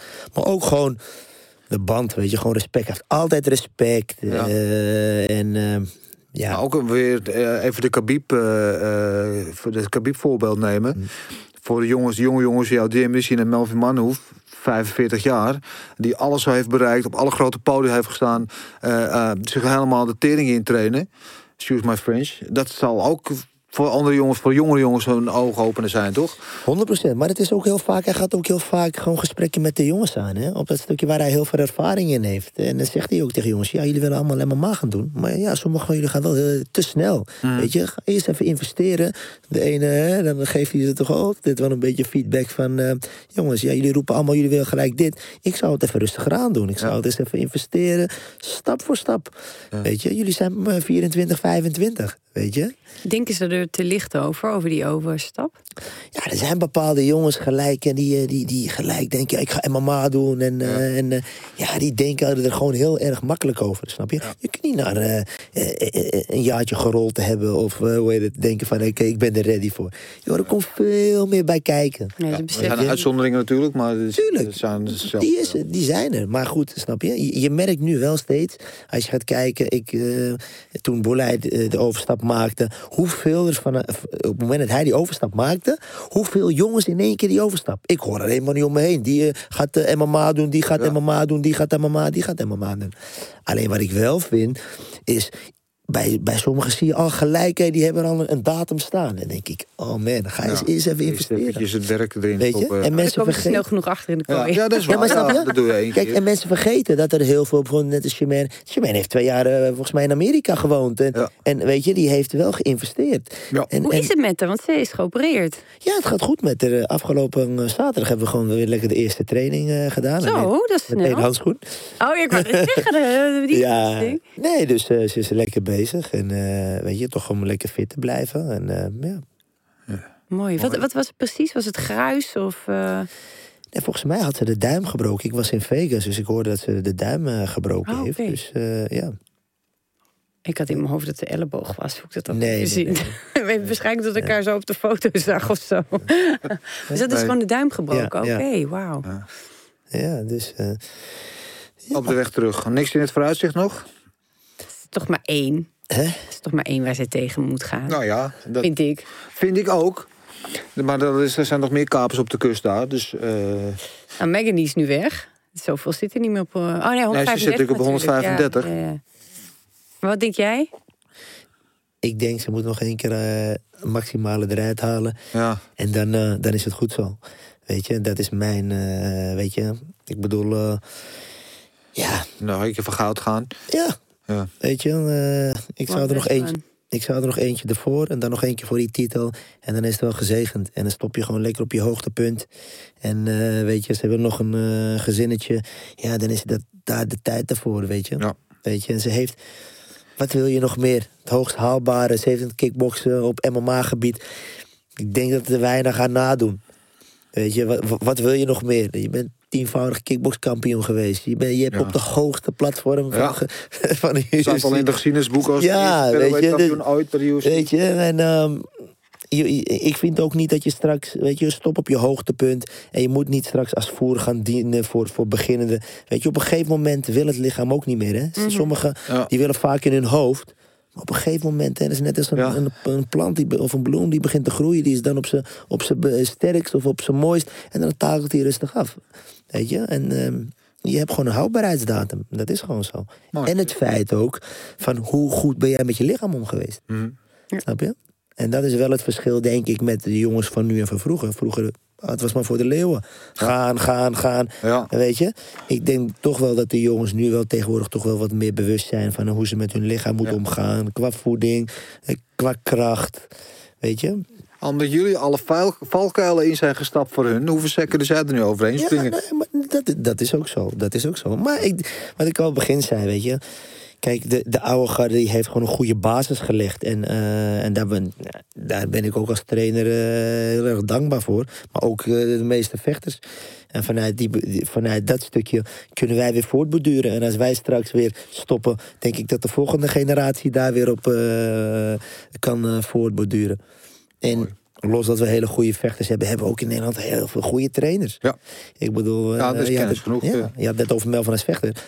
Zijn naam valt daar geregeld nog. Weet je, ik was daar en heel veel mensen kennen Melvin. Heel veel mensen kennen een Badder. eh, weet je, dus en ook de trainers. Dus toch, ondanks in Amerika volgen ze toch wel heel, heel veel ook de, de jongens hier in Nederland. Mooi. Eh, over de Nederlanders in Amerika gesproken, nog even een nieuwtje. Want het was vorige week in het nieuws kwam opeens het bericht dat Tuin Spong had gezegd dat hij eh, wel tegen Rico zou willen. Dat hij ook denkt dat hij degene is die Rico van de troon kan stoten. Nou, dat is ook iets waar we al vaker over gefilosofeerd hebben. Zou het mooi zijn?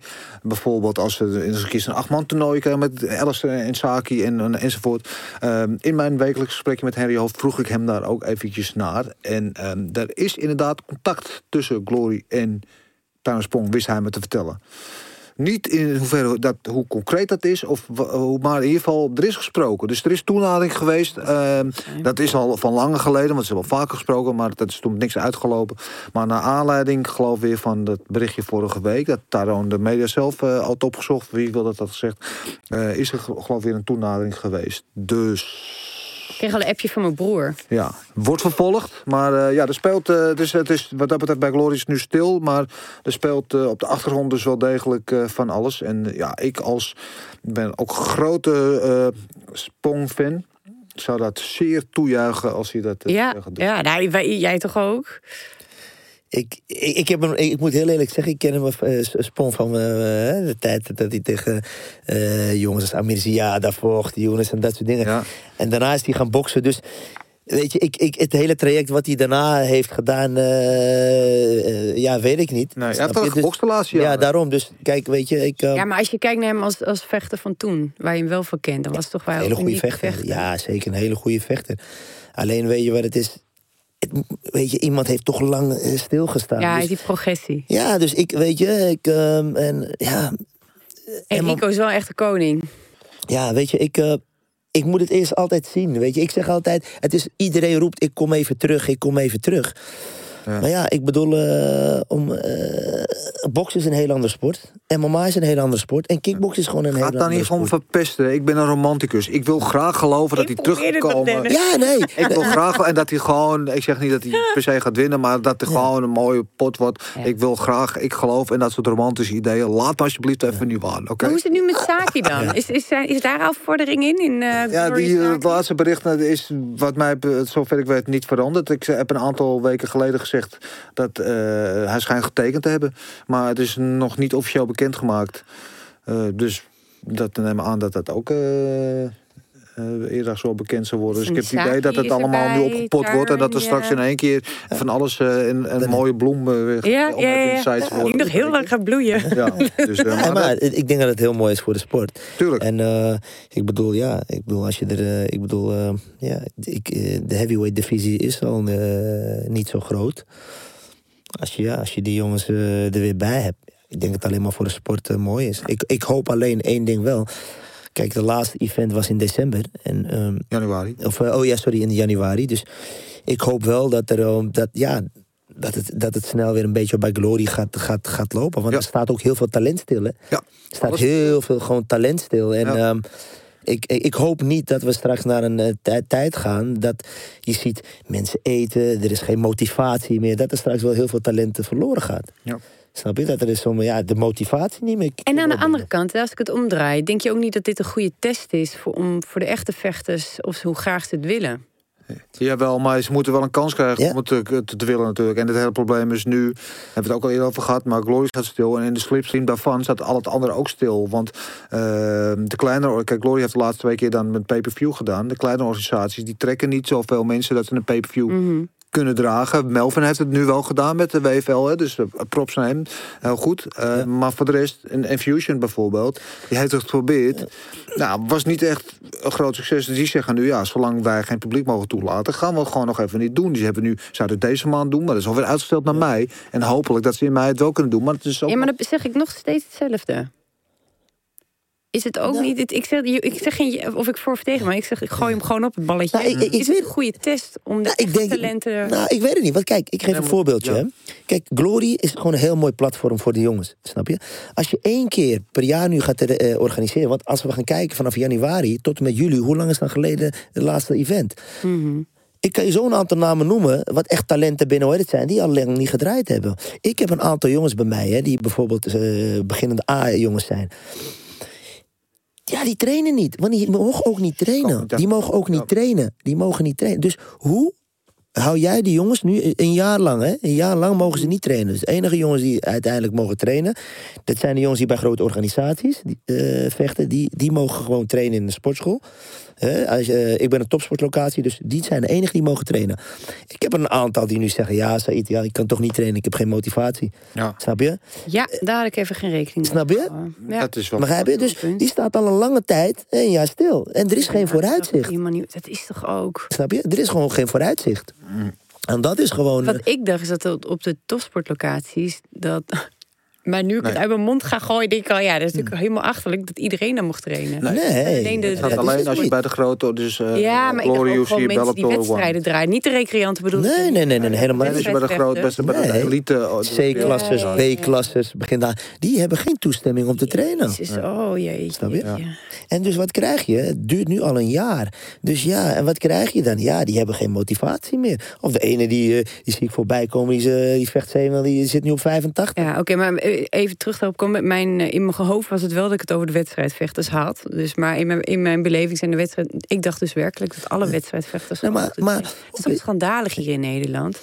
Vind- je? Ja, maar dus goed, we hebben het over gehad. En het, nou ja, het is, eh, ik geloof nu, er komt nu van de persconferentie... wordt weer besloten dat er eigenlijk niks wordt besloten. Ja, Dat er niks gaan veranderen voorlopig. Dus we zitten nog wel even in deze Ja. eh, onzin. nou ja, eh, totdat we periode. gevaccineerd zijn. Wat eh, hebben jullie nog... Ah, even, dit is er eentje uit de hoge hoed. Denken jullie, wanneer zijn we allemaal gevaccineerd? Geloven in jullie? Toen werd het heel stil. Ja, ik zou het niet weten. Ja, het zo snel mogelijk. Ja. Ehm, Nou, over eh, snel en tijd gesproken. Padoem, pas, zullen we naar de tijdmachine gaan? Komt hij dan? What we're gonna do right here is go back, way back, I'll be back. Ja, ja, de tijdmachine. Elke week eh, geven we onze gast de kans om in onze tijdmachine te springen. Terug te gaan naar een moment in het leven wat je graag opnieuw zou willen doen. Het kan zijn een moment wat je totaal hebt verkloot. kan ook een moment zijn dat je zo tof vond dat je het graag nog een keer wil meemaken. Eh, ik zeg even aan jou de tijdmachine. Ik zeg stap in, neem ons mee en we stappen uit in het jaar... Noem eens wat. Oeh, dus- Of als je het aantal niet weet, dan welk moment gaan we, gaan we terug?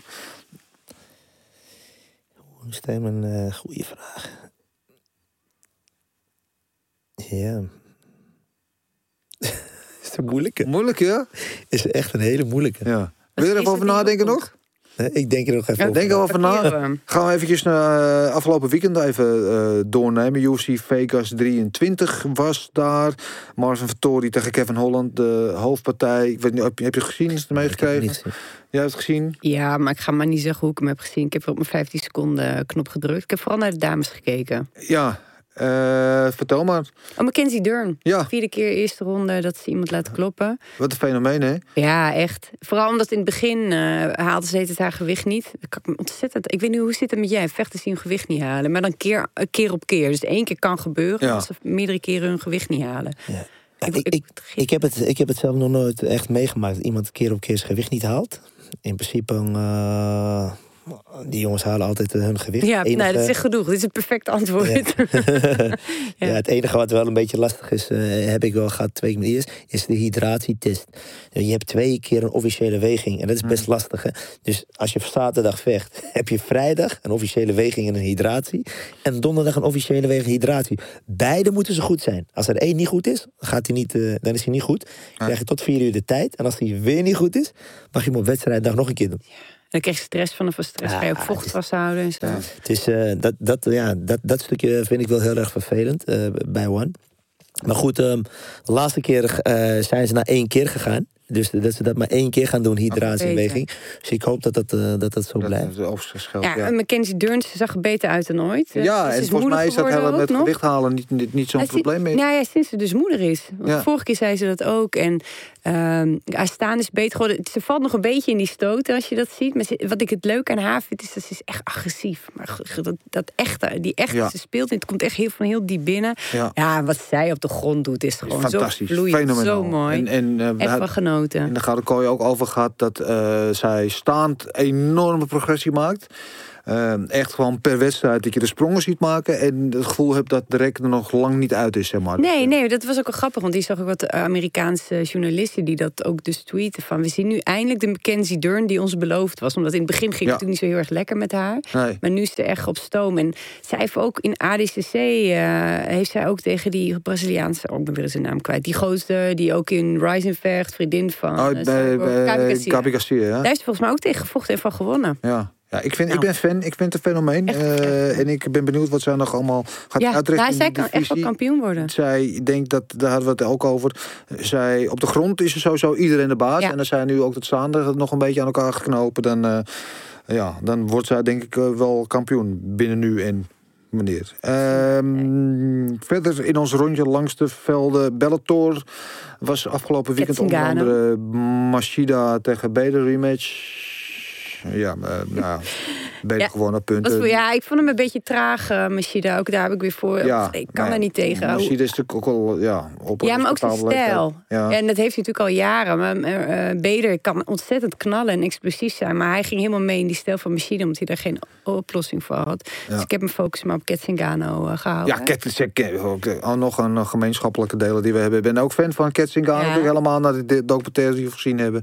Ja, dat was echt een goede tip van je. Waar ja. kun je die ook weer kijken? Eh, die moet je echt zien. Dat is oh, zo ja? mooi. Niet gezien. Op Netflix, anders zat hij wel op YouTube. Eh, ik zal wel even een linkje posten eh, straks. Zeer de moeite waard. Ja, ze heeft echt heel heftig leven gehad. En, eh, daar vertelt ze prachtig over. En Ja. hoe ze het heeft opgepakt. Zij is, ach, ik was al fan van haar, maar daarna helemaal. Ja, ehm, en eh, Adam Boric met eh, ehm, inderdaad aan je hoofd in de hoek. Goede overwinning tegen Kennedy. Ehm, Sprong had ik genoemd. Conor Ben, bokser, zoon van de legendarische Nigel Ben natuurlijk, eh, versloeg eh, Samuel Vargas. Zeer spectaculair. Eerste ronde KO. En eh, vroeg daarna om Amir Khan. Dat ik, nou, daar ben ik pas nog geweest bij Amir Khan. Natuurlijk een grootheid in het boksen ook. Is op zoek naar een nieuwe wedstrijd. Dat zou een soort van, van een grotere wedstrijd. Ja, al afgezien natuurlijk van Fury tegen, tegen Joshua. Maar van de grotere wedstrijd in het Engelse boksen kunnen worden. Dus dat is interessant.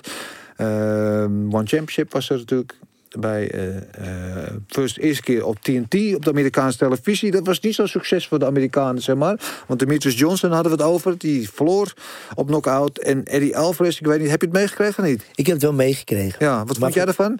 Ik heb de wedstrijd niet gezien. Ik heb alleen een klein stukje gezien. Ja. En volgens mij ehm, eh, ja, eh, was hij er niet mee eens. Nee, eh, nee en terecht lijkt. Ja, eh, ja, ja, ja. schermen zag je ook zo Ja. Ja, nee, dat, het, het, even hoe ik het beleefd in ieder geval. Want volgens mij als je de oor raakt, dan, dan is het nog legaal, toch? Je hebt zeg maar een oor en daar moet een vuist omheen eh, kunnen. Zeg maar. dat, dat mag je allemaal raken. Ja, dus die scheidsrechter, die, hij, hij slaat, ja, de ground hij slaat hem achter zijn oor. En die scheidsrechter hij geeft dan een waarschuwing. Waar die waarschuwing volgens mij al niet legitiem is, omdat het nogal een legale stoot is. Maar hij draait zich om, verandert zijn, posture, gaat door met ground pound. En in de beweging die stoot draait hij gewoon zich om, waardoor hij hem weer nog steeds legaal achter zijn oor raakt. En die scheidsrechter, ik heb je nu gewaarschuwd, heb rode kaart. Ja, Ja, slechte scheids. Punt. ja, belachelijk. Ja. En, en, en, en natuurlijk dramatisch voor Eddie Alvarez, die ehm, ja, niet zo'n heel lekker begin had bij One. Vorige partij wel gewonnen, nu toch heel graag nog een keer de titel wil winnen. Hij heeft natuurlijk nog niet eh, jaren de tijd meer. Nee, ik vond vooral, ik zag dus een filmpje dat hij dus eh, eigenlijk de coulissen inkwam. Dus achter het gordijn. Hij dacht dat hij helemaal alleen was. En dan zag je hem echt zo over zo'n eh, hek eh, gebogen huilen. En zo'n dokter die maar dacht, oh, dit moet niet gefilmd worden. Die Ja. met een masker op. Ja, dat breekt mijn hart wel. Dat- Ja, tuurlijk, tuurlijk. Weet je, je hebt als, nou ja, als vechter, jullie weten het beter als, als allemaal. Ehm, je, je traint keihard voor iets. Je hebt maar een heel kleine window waarin je je kunsten kan laten zien. En als het dan op die manier verknald wordt, Ja. zonder dat je wat aan kan doen. Ja. Ik begrijp dat dat heel frustrerend Ja, is. zeker. En weet je wat er vaak nog erg is ook? hè? Kijk, en als het uiteindelijk blijkt straks dat hij, dat hij gewoon terecht gewonnen heeft... ja, dan ne- ontneem je iemand zijn moment. Ja. Dus weet je, het blijft toch Ja. altijd in het geheugen van de mensen. Hij heeft gewoon verloren. Ja. Weet je, niemand... Net als met de voetbalwedstrijd. Eh, uiteindelijk eh, uiteindelijk eh, telt de uitslag. Later boeit het niet meer of iemand... hè, begrijp Nee, je? het blijft in de boek ja, dat, Ja. dat is wat... Snap je? Tenzij je. Petrosian heet, dan willen ze het bij One nog wel eens omdraaien. maar dat is een heel ander verhaal. Eh, had je al een moment bedacht dat tijd We gaan nog even door. We gaan. Oké, we hebben een volgend vraagstuk voor je nou. We gaan naar Mount Fightmore. Mount Fightmore. Ehm, ja, onze founding fathers van de vechtsport. Degene die van Marloes en eh, mijzelf heel, ja, van grote invloed zijn geweest op onze liefde voor de martial arts. eh, en met name het Nederlandse deel. Eh, nog eventjes eh, voor de, de luisteraars en de lieve kijkbuiskinderen. Eh Ramon Dekkers, eh, Bas Rutte, John Bloeming en Bruce Lee. Overigens eh, liep ik Bas Rutte afgelopen week tegen het lijf. En liet hem deze tekening zien. En dat hij op onze maat fight moest. En die was zeer verguld. Die was daar heel blij mee. Ehm, maar goed, daar hebben we het niet over. We hebben het over jouw eh, founding fathers. Dus als jij één iemand zou moeten kiezen die voor jou heel bepalend is geweest in jouw liefde voor de martial arts of van grote invloed is geweest, wie zou jij nomineren voor jouw Mount Fartmore? Ja, ik zou wel voor Ramon Dekker kiezen. Jij zou Ramon Dekkers Ja. kiezen? Ja, dat mag gewoon. Dat is helemaal een hele legitieme Waarom? Ja. ja, weet je, voor die tijd... eh pff, dat was gewoon een genot om naar te kijken. Snap je? Eh, ja, zijn vechtmentaliteit. En eh, ja, als je gaat kijken, hij was gewoon eh, zijn tijd gewoon ver heen. Ik hou er gewoon van zijn boxcombinaties. Altijd afvonden met die low kicks. Goede explosieve combinaties. Goed, die leveltje eens. Goede low kicks, goede trappen. Ja, ik vond het altijd een genot om naar te kijken. Ja. Gebruik jij ook dingen van hem in je eigen training? Ja? Ja, sowieso. Ik, ik ben altijd voorstander van die low kicks op de benen. De fundament van iemand zijn de benen, weet je. En eh, op, met de tijd gaan die low kicks eh, gewoon de tol eisen. Dat is Ja. net als een huis, hè. Als het fundament eh, niet goed is, meer, ja, dan stort alles eh, vanzelf, eh hoe heet het. Ja. Ik had laatst een jongen eh, bij Melvin zijn gala. Nou ja, is een hele simpele opdracht. Nou, uiteindelijk, eh, door die low kicks, eh, geeft hij uiteindelijk later die gozer Dus eh, wel echt- twee kracht tellen. Klassiek Hollandse school. Hè? Je begint het fundament neer te halen en stort vanzelf het huis in. Dat is heel Nou ja, vroeger dat heb je ook gezien bij die wedstrijd van uh, hoe heet het, hè? Connor tegen hoe heet het. Je Ja. ziet uiteindelijk wat uiteindelijk werken op die benen doet. Ja. En je vertraagt ook iemand op een gegeven moment. Hij kan niet meer stappen. Shoots komen Dus niet meer. ja. Ja. Dus eh, ja. Mooi. Nou, de Mount Five kan intact blijven. Ramon Dekkers eh, eh, is gewoon mooi. Dat is eh, ja, uitstekende keuze, zou ik zeggen. Ehm even het rondje langs de veld nog een keer, maar dan voor aankomend weekend. Ehm, UFC, laatste keer UFC eventjes zonder publiek in Las Vegas. Voordat ze de week daarna naar Jacksonville gaan met een heleboel mensen.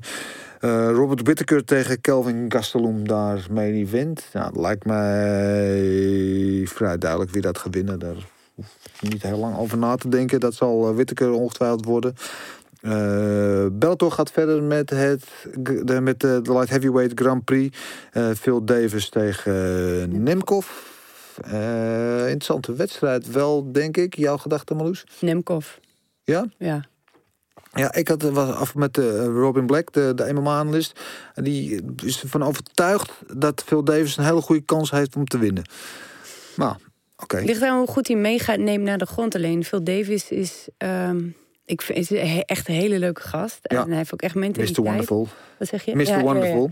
En eh, over, als je over respect hebt. Hele humble, respectvolle gast is dat. Alleen ehm, op een of andere manier, hij werkt hard in wedstrijden. Maar Ja. ik vind het komt er altijd net Ja, ergens is- niet helemaal uit met hem. Ja, het, het oogvak een beetje flegmatiek. Een beetje Ja. kleur. Ja, ja, ik Ja, en Julia Butt, eh, die moet ook vechten. Maar die hebben ze gewoon op de undercard gezet. Daar Ja. ben ik toch echt wel even een beetje pissig van. Een former Ja. champ, één keer verloren van Cyborgs. eh, En, en die gooien ze gewoon op de undercard. Ik denk, hoe dan? Ja. Ja. dat was even mijn persoonlijke frustratie erbij. Ja, Ik zie er graag weer aan de bak. eh, wel eh main event eh, met twee dames bij One aankomend weekend on TNT deel 2. Eh, Janet Todd.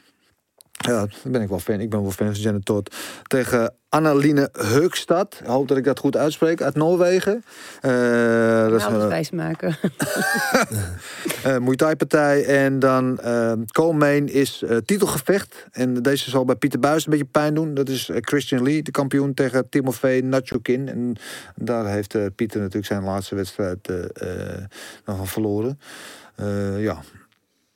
Christian Lee vind ik ook wel eh, interessant. Broer van, toch? Ja. Daar nu over, ja. Eh, verder ook dit familie. weekend Thriller. Thriller. Nou, Eh, Jake Paul tegen Ben Askren. Ja, ik hoop echt zo dat Ben Askren gaat Ja, ik winnen. ook, ik maar ik ben er zo bang voor van niet. Oh ja, die hebben ze natuurlijk wel gewoon... Ik bedoel, als die, nee, laat, Nou, ik, ik- ik ga er niet veel over zeggen. Ik ben gewoon voor Ben Askren. Maar die andere... Dus, Ik zal je eens eh, iets grappigs erover vertellen. Het mocht niet gefilmd worden.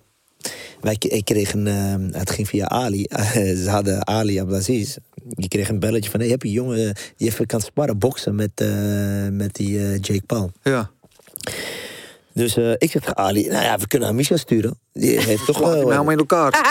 Dus, eh, dus die zegt, weet je wat we doen? We sturen Hamisha. En Ali had er nog een jongen, die Ramazan. Is ook van, die Ramazan is ook van, Van Khabib. van Gabib. Nou, is goed. Nou, eh, oké. Nou, Hamisha is daar naartoe gegaan. Dus eh, wij zeiden tegen hem, luister. We lieten hem wat eh video's zien. Ali liet hem wat video's zien van, hey, die jongen is echt goed hoor. Die, die Jake. dus, nou, ik zei tegen hem, als ik jou was... Gewoon proberen op die lichaam gewoon neer te halen. Ja, tuurlijk. Dus die jongen zou iets van, volgens mij, zeven ronden sparren. Dus hij zou eerst met eh, Hamisha, daarna zou hij met die eh, Ramazan zou die sparren. Dus, nou ja, goed. Achteraf later, ik, eh, ik zie Hamisha weer. Ik zeg, en, hoe is het gegaan? Hij zegt, nou, eh, twee rondes zijn we al niet meer. Hij Echt waar? Zijn hele shirt van Hamisha zat eh, bloedneus. Want hij zou eigenlijk, eh, ik weet niet hoeveel rondes hij zou sparren. Dus eh, nou, die heeft een paar keer op zijn lever. En, en op een gegeven moment, eh, na twee rondes, ja, eh, was hij gestopt. Ja, dus bij deze martial arts community. eh, dit is gewoon allemaal geregeld. Ook al wordt Ben Askers zijn ass gewoept zaterdag Jack Paul. We hebben alvast wat voor de vraag genomen in de persoon van Hamisha. Dus daarvoor dank. Oh, Namens de hele martial arts familie zijn we je heel dankbaar. Want ik ben bang dat eh, Ben Askers ons gewoon gaat laten zakken. Ja, tuurlijk. Maar, maar wat vinden jullie ervan dat zo'n YouTuber eh, met zo'n platform dit gaat doen? Ja, weet je, vroeger eh, had ik ook een bepaalde mening erover. Maar goed, uiteindelijk eh, leeft het wel. Ja, Eh, uiteindelijk verkoopt het wel. Ja, als er, als er de mensen zijn die daar wel eh, geïnteresseerd in zijn, ja. Weet je, dat, dat zie je ook met die influencers. Ja. Ik, ik heb het al een paar keer meegemaakt toen bij Melvin. Dan zie je gewoon rijen staan van mensen gewoon in, in, bij het topsportcentrum Almere... die dat toch ja, leuk vinden, ja. En eh, Kan het bijdragen aan de sport?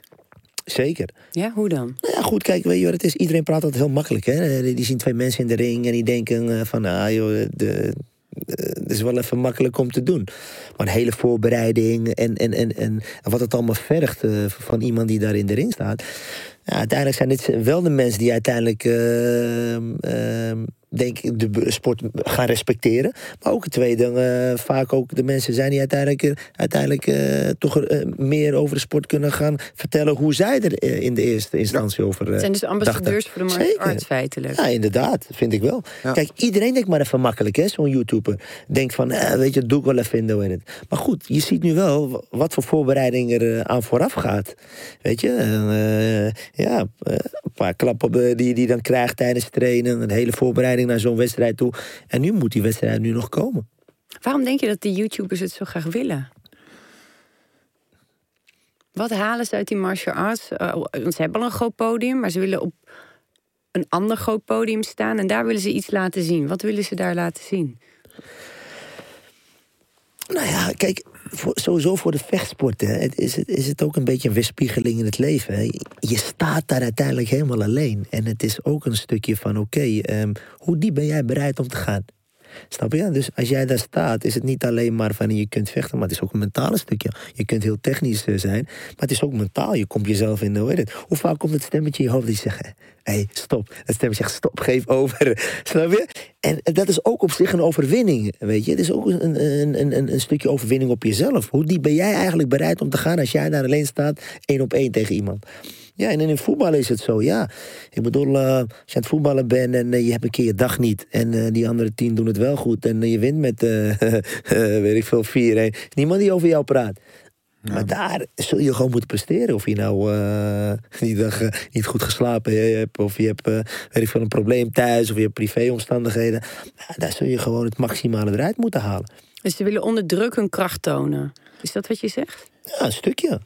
Weet je, en ook gewoon, eh, denk ik ook gewoon van, hé, hey, eh, ervaren hoe het eigenlijk is. Wat, wat de jongens, waar, eh, wie hun misschien als voorbeeld zien van, oké, wat ervaren hun daar in die, in die ring?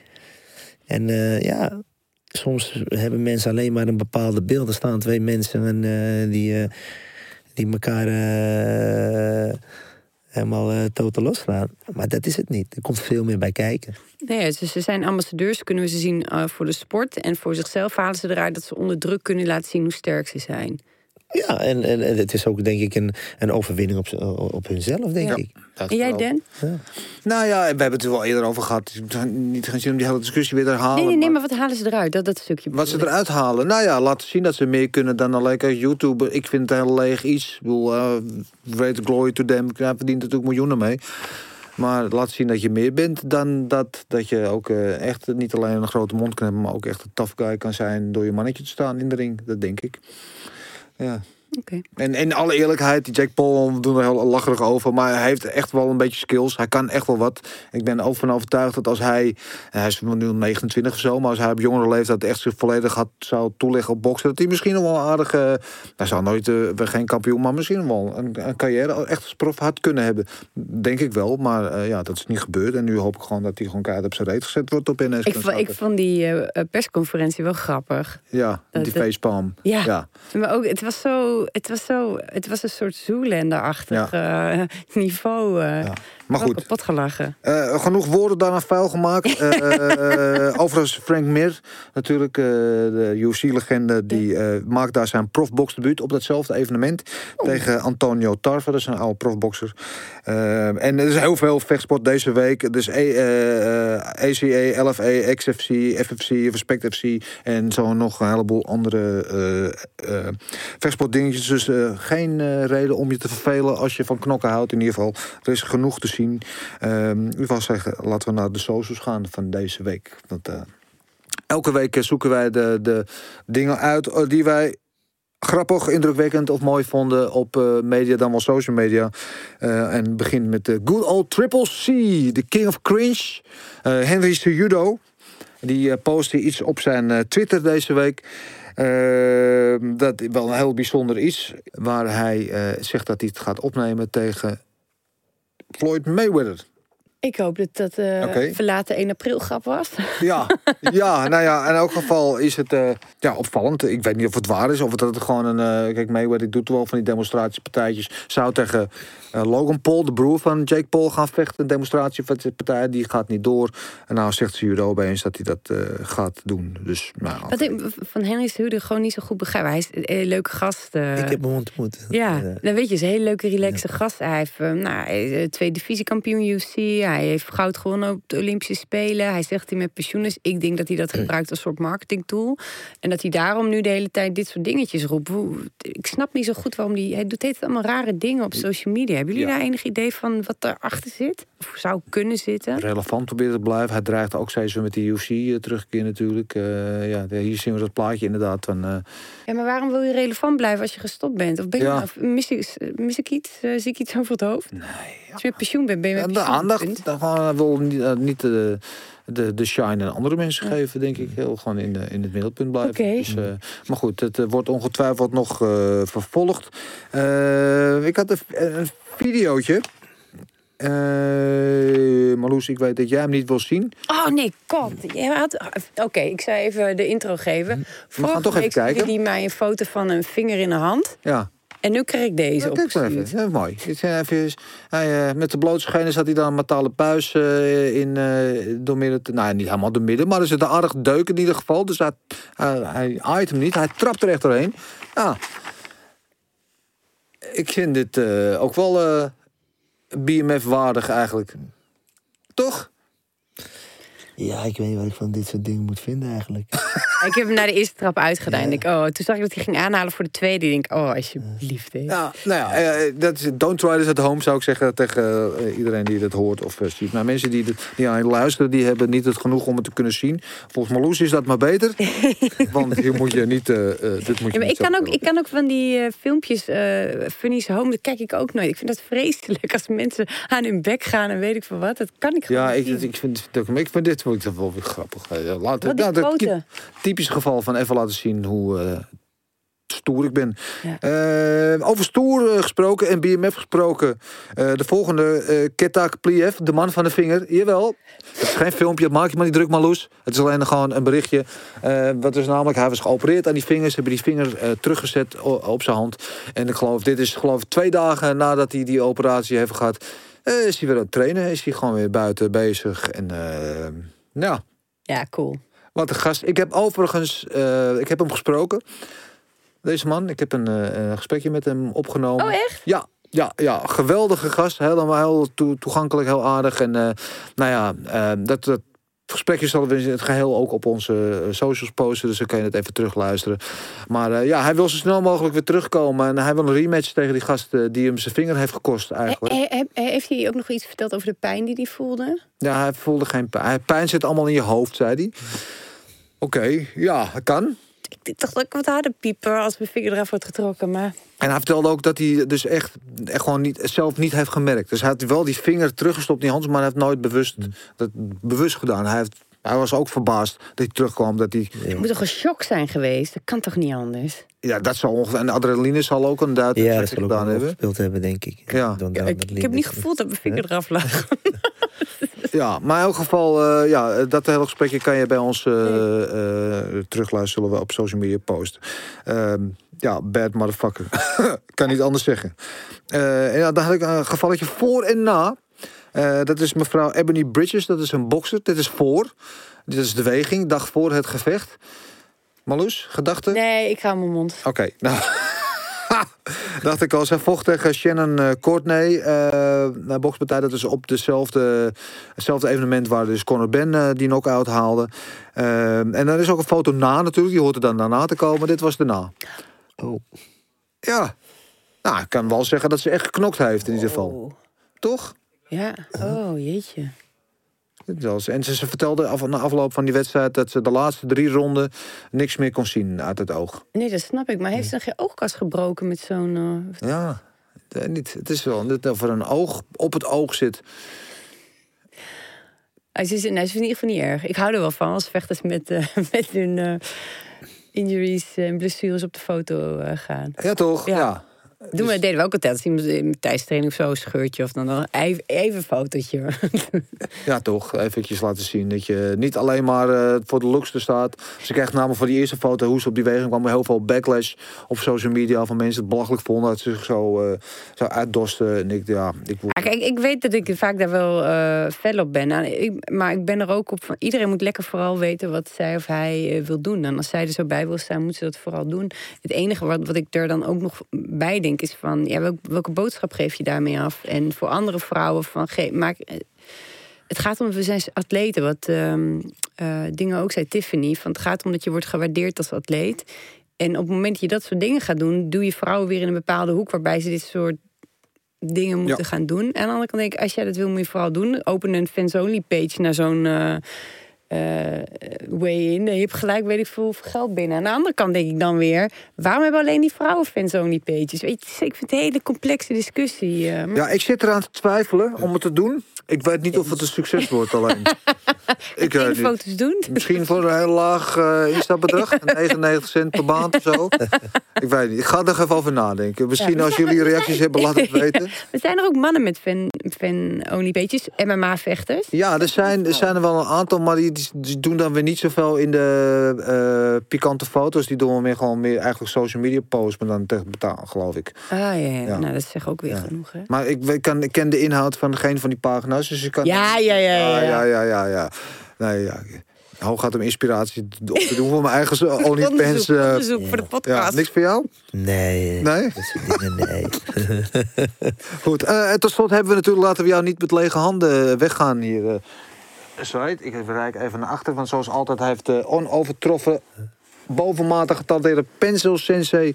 eh, ook voor jou natuurlijk een mooie tekening gemaakt. ah, En je ziet het ook eh, heel mooi. eh, op je privéjet, waar je de hele wereld mee over gaat. eh, naar alle eh, verre oorden waar je met je vechters terechtkomt. En eh, eh, ja, eh, de pets met de SB erop. Ah, Ja, super. herkenbaar. Ja. Ja, dus deze krijg je mee. Ik krijg hem ook eh, op eh, digitaal eh, sowieso. ja, voor alle mensen. Pencil Sensei, je weet het, hij is onze held. En hij maakt elke week echt gruwelijke dingen. Dus waardeer deze man ja, met, een, zeker. Die krijgt, met een likeje op zijn Instagram pagina ook. En zie wat hij allemaal doet. die krijgt een mooi plaatje op de gym. Gelukkig staat die ader er niet bij, hè, waar die jongens over hadden. Ja, Ja, maar die is eigenlijk wel bij. Ja. Nee, echt super gaaf. Ja. Die krijgt een mooi plaatje op de gym. ja, die tijdmachine houden we van je te goed, hè, denk ik. Die Ja. een andere keer eh, gaan ha- ophalen. Kan je er even over nadenken? Ja, ja, waar- daar beginnen we dan mee. Dan beginnen we daarmee. Ja. Die hou je te goed. Oké, Hè? ja, hey, dankjewel. Ja, jullie bedankt. Eh, Graag gedaan. En, ja. eh, Mooie inspirerende verhalen hebben we van je gehoord. En eh, ja, al, al de best man met al wat je ja, nieuwe wederzijds. gym. En, en, en, en- ik, eh, ik, ja, ik vind altijd, eh, hoe moet ik zeggen, het, eh, blij dat jullie dit doen. En eh wat dat wat top om hier te zijn, man. Ja, top. Hopen je ook in de panelbende te mogen verwelkomen. super. Even horen wat je allemaal vindt. Super bedankt, jullie ook. Jij bedankt. Volgende week zit je hier gewoon weer. En je kon niet van me af. Ik ben net Nee, dat is geen vraag. Dat is een Oh. vertelletje nu. dus bij deze. Jullie allemaal weer bedankt voor het kijken en voor het luisteren natuurlijk. En nogmaals, vergeet niet te abonneren, te liken en te delen. En dan zijn wij de volgende week gewoon weer. Oeh.